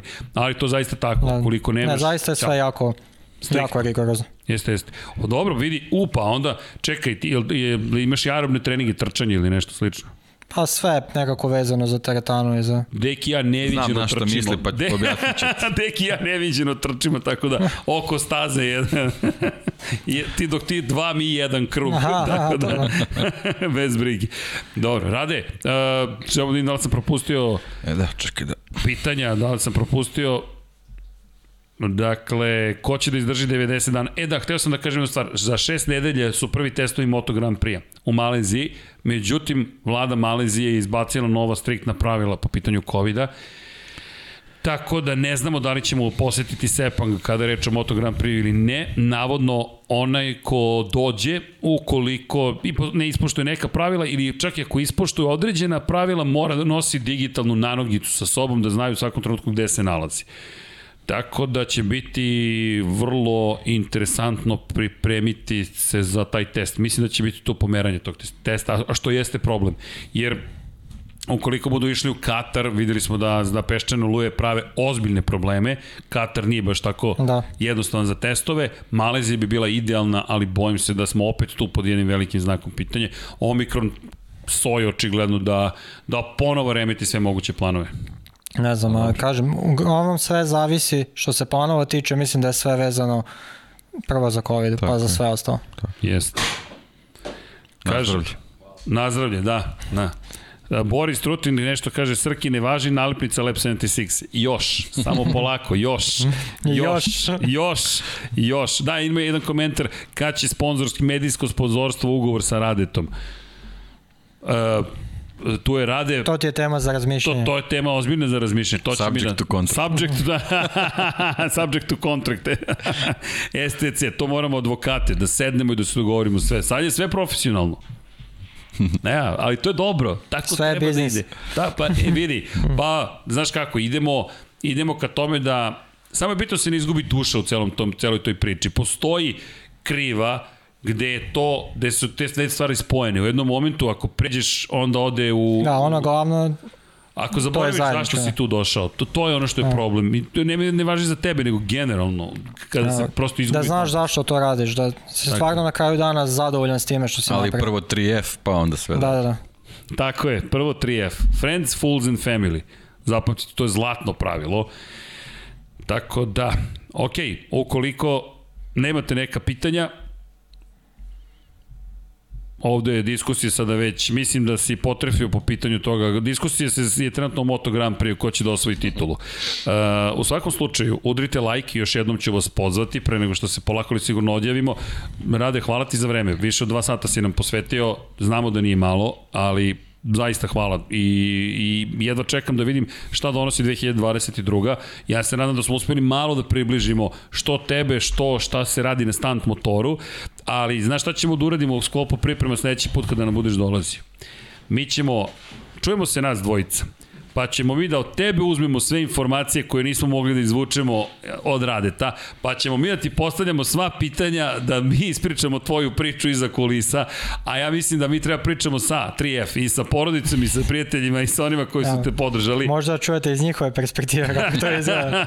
Kod tebe sve delo tako jednostavno. Ja sam seo na motocikl i odvezao se. Eto. A meni je to stvarno tako, nekako, toliko sam se saživao s time da jednostavno to mi je onako svakodnevnica. Kad si rođen za nešto. A ne mislim da sam rođen, mislim da sam samo uporan. Ba dobro, ali pazi, tebi se rodila ideja kada si video nešto. Znaš, nije to samo znam. upornost, to je, talent mora takođe da postoji. Dobro, mislim da je mali procenat talent koliko je upornosti i strajnosti. Sve da. Ne vredi, ne vredi, ne vredi, ta skromnost, skromnost je na 100 upaljena, ne, na 11 si postavio skromnost. Ne, ja stvarno, to, to je moje mišljenje, možda neko misli drugačije, ja mislim da je samo do toga. Ništa, mi ćemo, mi ćemo da nađemo ove što drugačije misle, pa ćemo to mi da popišemo, pa ćemo mi to da izgovaramo. Ali rade, uvek je zadovoljstvo tebe videti, pričati sa tobom i zaista te, ko te, ja te ne poznajem toliko, ali svaki put kada se sretnemo, toliko jedan pristojan, kulturan, kultivisan čovek koji je povučen, ali ne na jedan, ne, ti nisi lažno skroman, ti si ti. Ne, ja samo pričam stvari onako kakve jesu. Ne umanjujem svoj uspeh, ne, veli, Ne ga. ne veličam ga, samo kažem tako je kako je. Ništa. Mislim, e, niko drugi ni ne može da umanji to, ipak je to jedinstvena stvar, ali opet, To ćemo mi. To Da. prepusti nama. ću prepustiti tebi, to da. prepusti hiperbole i ostalo prepusti. Bukvalno, to, to je naš deo posla. Vidi, ono što mi vidimo iz naših očiju jeste potpuno oduševljenje i ja se nadam da ćemo mi doći da, da, da ti snimimo uživo kada radiš neke stvari, jer stvarno mislim da treba približiti sve što si učinio i način na koji to radiš na jedan, na jedan poseban način. Prvo tebe kao čoveka, mislim, nadam se da je publika imala priliku da te upozna, a onda da, da približimo i to što sve radiš i neke stvari koje možda ti ne vidiš, ali vide tvoji bližnji, pa ćemo da iskoristimo njih i njihove. uvek imate poziv da dođete i da snimimo eto, neku emisiju kod mene kući na poligonu za trening, gde god, kakve god ideje imate, ja sam to uvek E, vas. i ideja ne manjka. Tako da potrudit ćemo se da to realizujemo. Malo da se prolepša vreme, pa da onda Havajka bude, svi imamo Havajke. Da, da. E, ali dao si mi ideju, znate šta mi moramo da proizvodimo ove košulje ha, Havajke?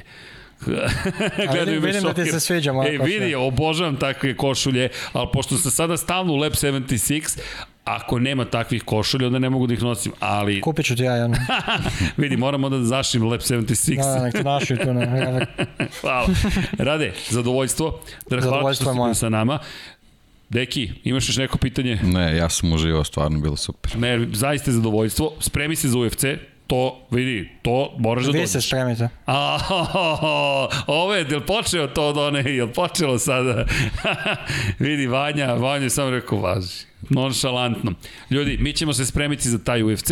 Nas da ste uživali, rade stunt, bukvalno, ja, ja ne znam, meni je, svaki put kada pričam o tebi, doći će nam rade stunt. Dobro, kako se čovjek zove? Radislav Mihajlov. Da. I onda kažeš, čekaj, to je Rade Stant, to je Rade Stant, ali gospodin Radislav Mihajlov, Hoće jedan virtualni aplauz s naše strane, jedan ogroman odavde aplauz, svaka čast za sve što radiš. Nema nas mnogo, Hvala. ali verujte baš i od srca. Ljudi, budite dobri, mazite se i pazite se, uradite nešto lepo. Vanja, udri muziku da se odjavimo u stilu. A ne, Vanja je... A, to, to za Radeta, to. to je publika sa svih strana. Tako je bilo u Asenu. Da. Tako je bilo u Asiru. Vanja, udri muziku, pa lagano da se odjavljamo i pozdravljamo, a vi udrite ljudi like, udrite subscribe. Ekipa Infinity Lighthouse, Lab 76 i gospodin Rade Stant vas pozdravljaju. Pošaljite neku lepu poruku na 3030, uh, ukoliko udarite like, onda pošaljite dve poruke, 917 1158, mi ćemo se potruditi s naše strane da uradimo neke lepe stvari. Nama pružite podršku svaki put kada nas se pridružite. Posetite naš shop shop.infinitylighthouse.com i naravno budite dobri jedni prema drugima, vozite računa jedni drugima i mazite se, pazite se. Veliki pozdrav ime cele ekipa i naravno Ćao svima. Ćao, vidimo se.